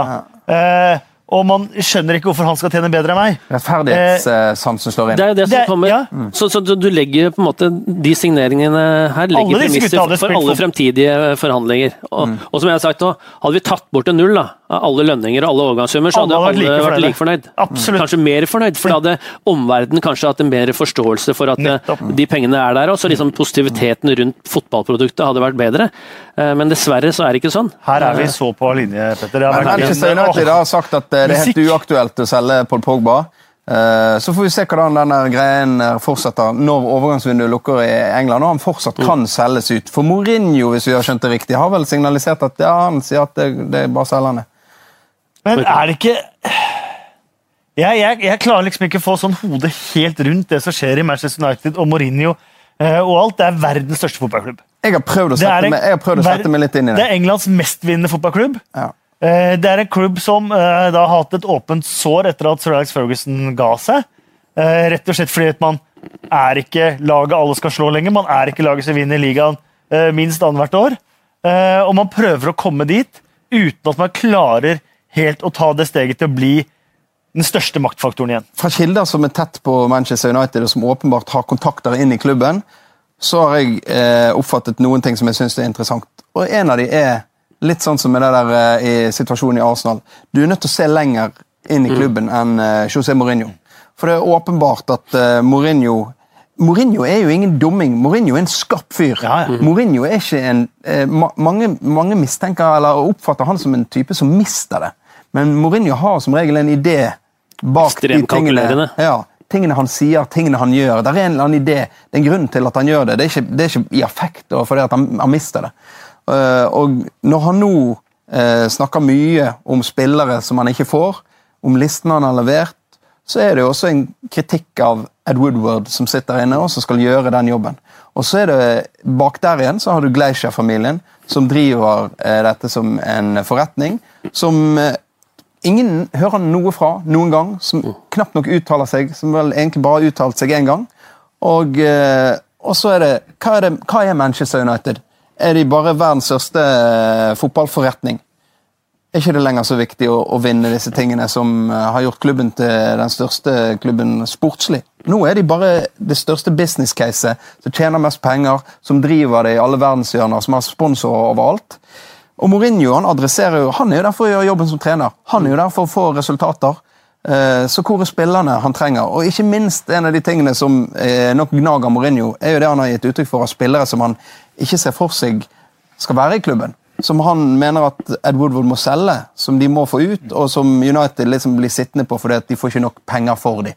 Uh, og da, da må Mourinho gå videre med spillere som han sjøl har gitt uttrykk til at du er ikke i planene mine. Uh, og da, da blir jo den miksen, det å bygge et lag, samhold, homogen, all den greien der når, du, når det sitter en haug med spillere i stallen som ikke har lyst til å være der, som ikke kommer til å få noe særlig tillit av å være der, uh, og så får ikke Mourinho kanskje de der siste brikkene som han trenger for å gjøre det til et vinnerlag. For det er jo derfor han er der. Han er jo der kun for å vinne. Og han er der på lånt tid. Han er der på lånt Og det er du fullstendig klar over, da. Mm. Eh, kjapt spørsmål fra Thomas Langemann på Twitter. Hvor lenge tror dere at Mourinho er manager i Manchester United? Det kommer helt an på resultatene denne sesongen her. For klart, eh, Han har jo lagt opp til Smash, og det er han fullstendig klar over. Når han går ut sånn som han gjør, så, så, så, så sitter han jo mer utrygt den dagen resultatene ikke, ikke kommer. Men jeg tror han er ærlig med seg sjøl at hvis ikke han kan være der for å få resultater, så hvorfor skal ikke være? Ja, Det er ikke- nei, men, det mener, så, så det, men det er det dere snakka om kalkulert igjen. Nå er jeg uenig med deg. Jeg mener at han har mista det flere ganger. Og Når alle sier at ja, men det er for å ta bort fokuset fra tap og fokus fra spillerne, og sånn, så er jeg uenig i det. Det er ingen mennesker i verden som klarer å være så kalkulerende rett etter en, en, en fotballkamp. Men, men han er veldig kalkulerende i det han driver med, det spillet han driver med nå. Det er gjennomtenkt. Det er ikke noe han kommer på om morgenen, nå skal jeg ut og melde det. Han har full kontroll på det. Og og jeg tenker at det er litt sånn være eller ikke være denne sesongen her. Fordi, fordi misnøyen eh, fra Mourinho sin side eh, har eh, vært veldig synlig. Eh, Misnøyen til fansen over eh, måten de har framstått på eh, forrige sesong. Selv om de vinner mange fotballkamper, så liker ikke fansen og, media eh, og forstår seg på det fornøyd. Eh, Og, og summen av det på en måte da, blir vanskelig å bære videre. Så det, det må skje noe her nå. Enten så må de eh, gjøre en kanonsesong, eller så smeller det. Ja. tenker jeg. Ja, jeg, jeg tror det òg. Det er sånn at det være eller ikke være denne sesongen. Vår mann i Manchester United. Eh, Alexis Sanchez har sett bra ut i oppkjøringen, men eh, det som er litt vittig i forhold til at det har ikke kommet inn så mange nye spillere, og sånt, de har hentet Fred og noe sånt, men eh, han Pereira Andreas Pereira. har jo vært knallbra i, i oppkjøringen. Det er jo han som har vært preseason-spilleren i Manchester United i alle år. Og så har han blitt leid ut. Gjorde det bra i Valencia, spesielt første halvdel av sesongen i fjor. Kom tilbake nå. Eh, trøkk i han nå. Ser ut som han har lagt på seg litt muskler. Eh, fantastisk eh, pasningsspiller som eh, strør kort og langt. Eh, Jobber veldig bra.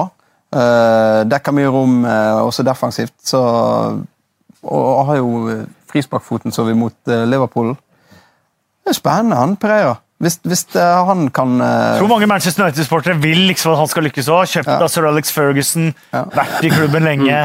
Alltid liksom vært in, Men det er in the helt wings. åpenbart ut ifra det jeg har sett fra han tidligere, så er det helt åpenbart at han har tatt noen steg er nå helt- det siste året. Så nå ser han ut som en mann. Han er jo ikke mer enn 22 år. Nei. Ja, det, også, også og så er, det er egentlig han har litt siste mulighet. Ja. nå, nå, nå har han vært på utlån, og det har gått OK. og Kom i en alder nå hvor, hvor han må inn og, og levere. og Klart, eh, Jeg er jo de som ikke er veldig opptatt av hva som skjer i treningskamper. Eh, Og spesielt ikke når det har vært EM- eller VM-sluttspill. Men du klarer å de beste ligger- identifisere en spillers ferdigheter. Jo, og, og, det, og, det, er det jeg sier, at det, det fins eh, så ekstremt mye gode fotballspillere. Vi sitter og prater om uh, folk i, i Premier League. da, ah, 'Han er dårlig, han er dårlig'. De er så jævlig gode. Altså, du, du tror ikke. ikke sant? Du, du, de, de er så gode at du tror ikke. Og Derfor vil jo i sånne kamper hvor det ikke betyr noe, du ikke har resultatpresset, du har ikke media som er veldig opptatt av hvordan de presterer osv., og, og, og motstanderen er litt på hvilemodus, du, liksom, du skal være i form om, om tre uker eller fire uker, og sånn, så, så er det ekstremt mange spillere som er gode, som ser gode ut. Og spesielt unge spillere som er sultefòra, som syns det er ekstremt moro da, å få lov til å ha på seg den røde drakta i, eh, i en eh, ordentlig kamp, fotballkamp. Og det blir spennende å se. Han skal straks- spille sin første Ja. Premier League-kamp og starter sannsynligvis da mot Leicester. Nå uh, skal dere straks få komme med tabelltipset deres. Først Ja. skal vi snakke om Southampton. Uh, Pellegrini inn etter åttendeplass og ligacupfinale var de lei av Puel. Det angra de kanskje etter hvert. Ansatte Mark Hughes redda plassen mot uh, slutten. Eh, Van Dijk gikk midt i sesongen. Nok en eh, stopper bort. Uh, vi har hørt så vidt vært innom Nok en spiller til Liverpool. spillere de har mista de siste åra. Fra Klein, Lovren, eh, Luke Shaw, Schneiderlin, Lalana, Lambert, Oxlade er Chamberlain. Walcott, Ja, det er helt sykt! Det er helt har vært sykt! verdens beste lag. Verdens beste lag. Men, men, men det, som, det som er Men nå Ja. uh, har de henta en nordmann! Ja, Ja. og det er en av de signeringene jeg gleder meg mest til. Du må, jo- du må understreke hva vi kaller han for. Han heter vel Moi? Han har i hvert fall kalt Moi, ja. ja. Det har jeg hørt Moi. enig. hørt alle Moi er jo eh, eh, artisten. det. Ja, ellers er det Aaron Moy. Aaron. Tenker Det er vel Moi. Han er jo er jeg er norsk, så jeg tror vi kjører. Ja. Men eh, ja, han, han gleder jeg meg enormt til å se. Og jeg tror han kommer til å ta steget. Jeg hadde sans for Tadic, eh, men Tadic varierte for meg. Jeg tror eh. Moi kan levere flere målpoeng enn en Tadic. Og, så jeg syns det, det er Kjenner du han? Nei, jeg gjør ikke det. Eh, Men jeg kjenner jo trenere som har trent den, Ja. eh, og han er eh, Kan han omtale sånn? Hva er liksom, hva er en sånn type? ja, er gjerrig. Eh, Står igjen, eh, gjør det lille ekstra. eh, Har bestemt seg på at liksom, dette er det jeg vil, og har skjønt konsekvensen av det. Mm. Hva er det som kreves, faktisk? Og det er, det er også en herlig diskusjon, for det, det er så mange som har lyst til å bli gode. Dette er målet, dette er veien, dette Ja, er offeret Og, og det men det er så veldig få som skjønner hva som faktisk skal til. Mm. Og enda færre som, eh, som er villig til å ta de konsekvensene. Mm. Eh, han er en sånn eh, type person at han Ok, dette er det som kreves, Mm. dette skal jeg få til, og han har valgt den rette veien. Sarpsborg, Molde Sånn, selv om Sarpsborg har gjort det veldig bra de siste årene, så var tross alt Molde en større klubb Ja. enn en Sarpsborg når han gikk dit. Kanskje lettere å komme seg til utlandet. Basel, en liga som er bedre enn tippeligaen, men allikevel han fikk en sentral rolle. Nå i en enda bedre liga, i en klubb som det er store muligheter for å spille. ikke minst. Og han, og han kommer dit, og, ja, og det er en viktig greie. Han kommer dit, eh, og de har betalt mye for han. Og det utgangspunktet er bra. Eh, så nei, jeg har jeg troa på Mo. Jeg syns det blir kjempegøy å følge. Ja, det blir gøy.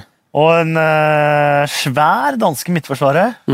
Westergård. De trengte kanskje de trenger en forsvarssjef der. Mm. Stuart Armstrong, også, også en spennende, slepen spiller fra Celtic. Fra Celtic.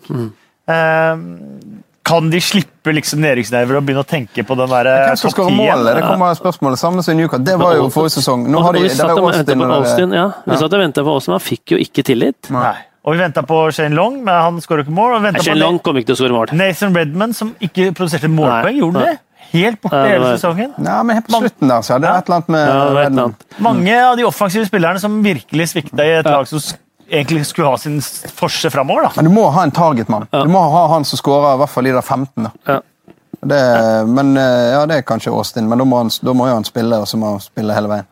Og, og, det er, og jeg er ikke sånn der ja, Southam syns jeg er vanskelig å plassere. Mm. Nettopp pga. sesongen de hadde i fjor, eller forrige sesong. Og det at det, konseptet med at de selger unna de beste hele veien. Mm. Det er sånn at ja, de lykkes over all forventning første gangen. Og så forsvant Pochettino, og så kom Koman, og så fader, de klarte det igjen.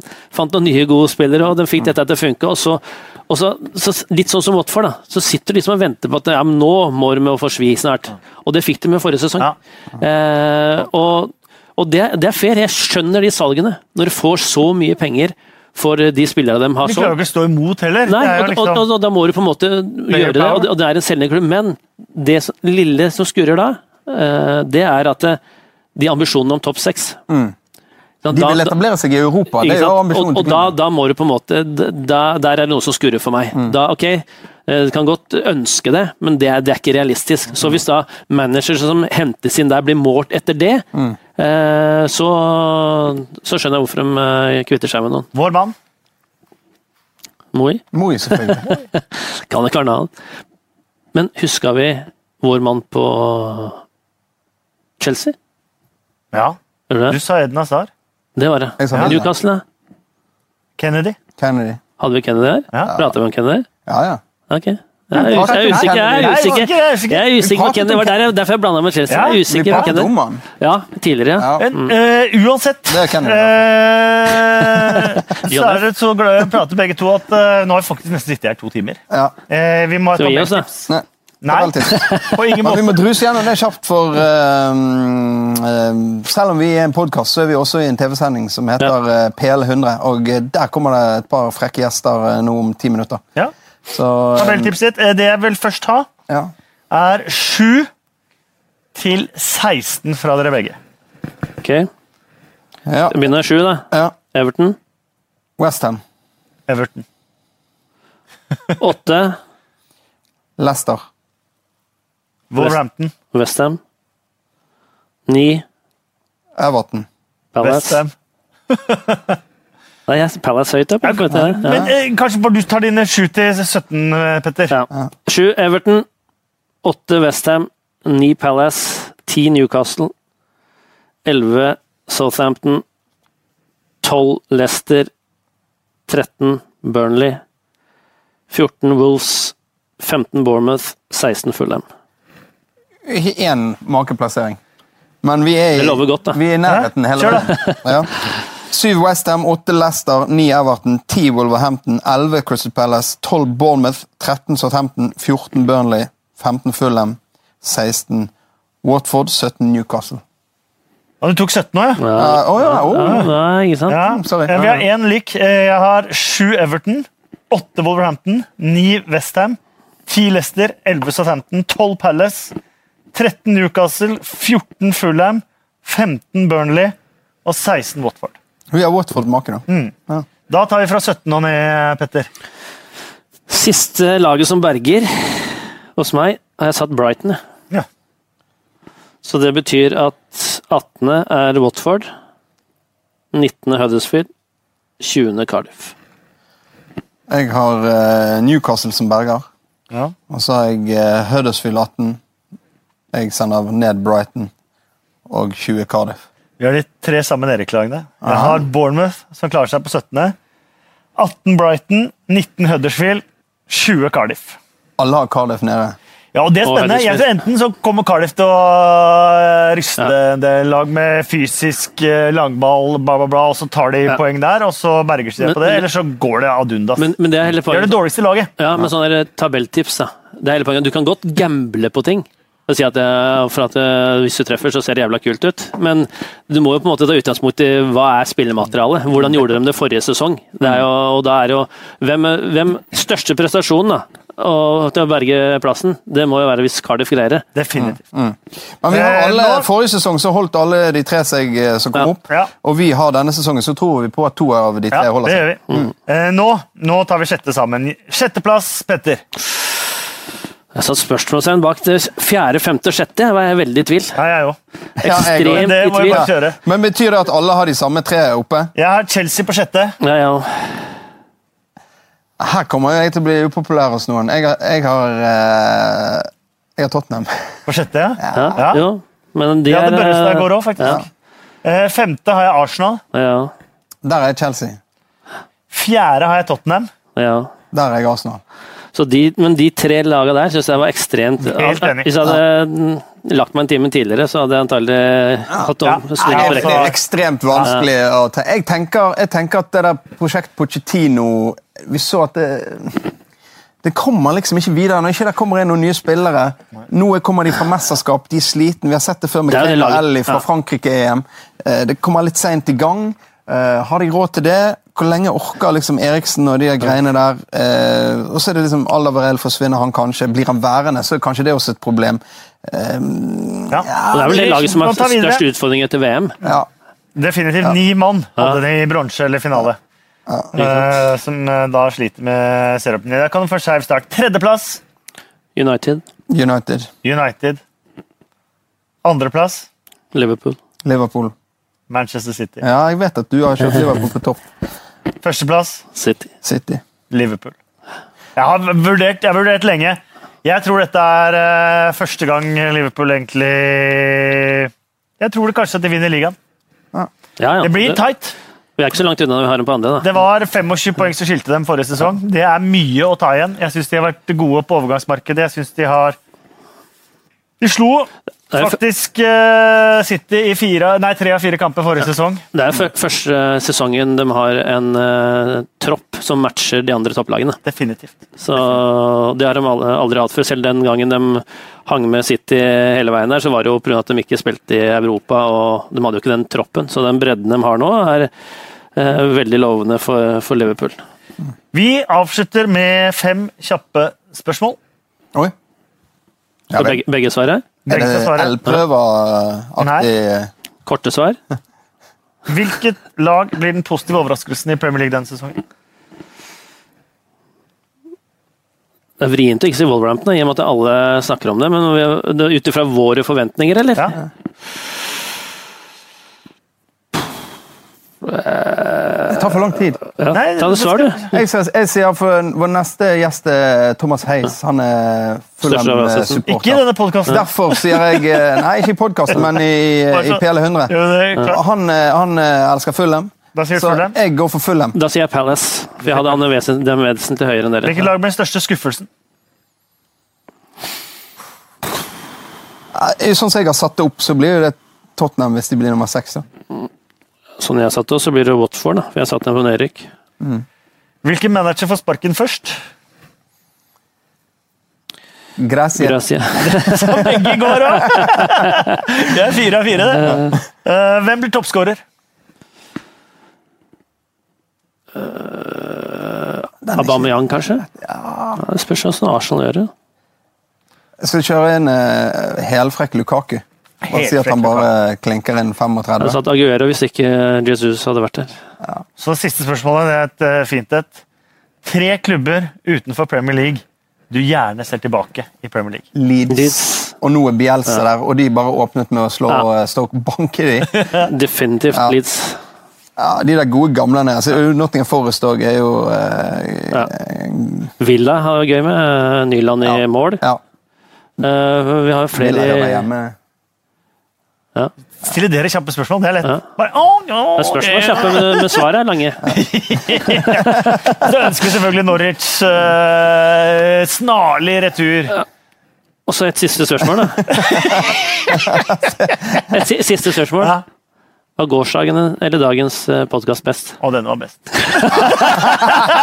Deilig. Det må være siste ord. Tusen takk eh, til dere som eh, hørte på. Eh, minner om at vi kommer med podkast gjennom hele sesongen. Hver ca. tirsdag så eh, oppsummerer vi runden. Ser fram mot eh, neste runde. Petter, Yes.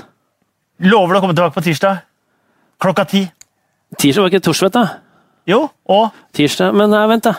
Ja, nå setter du han i gang igjen. Ja, ja. Han er veldig romantisk i hjørnet. Tusen takk for at var. Det kan her. hende. Jeg svarer etterpå. Jeg svarer Svar etterpå. etterpå. Ja. Erik Thorstvedt kommer i hvert fall neste podkast, og så håper vi at Petter eh, kommer. Hvis ikke så skal vi finne en god vikar. Så kanskje enda Ja, bedre. det er fullt mulig. Takk for nå. Hei, hei.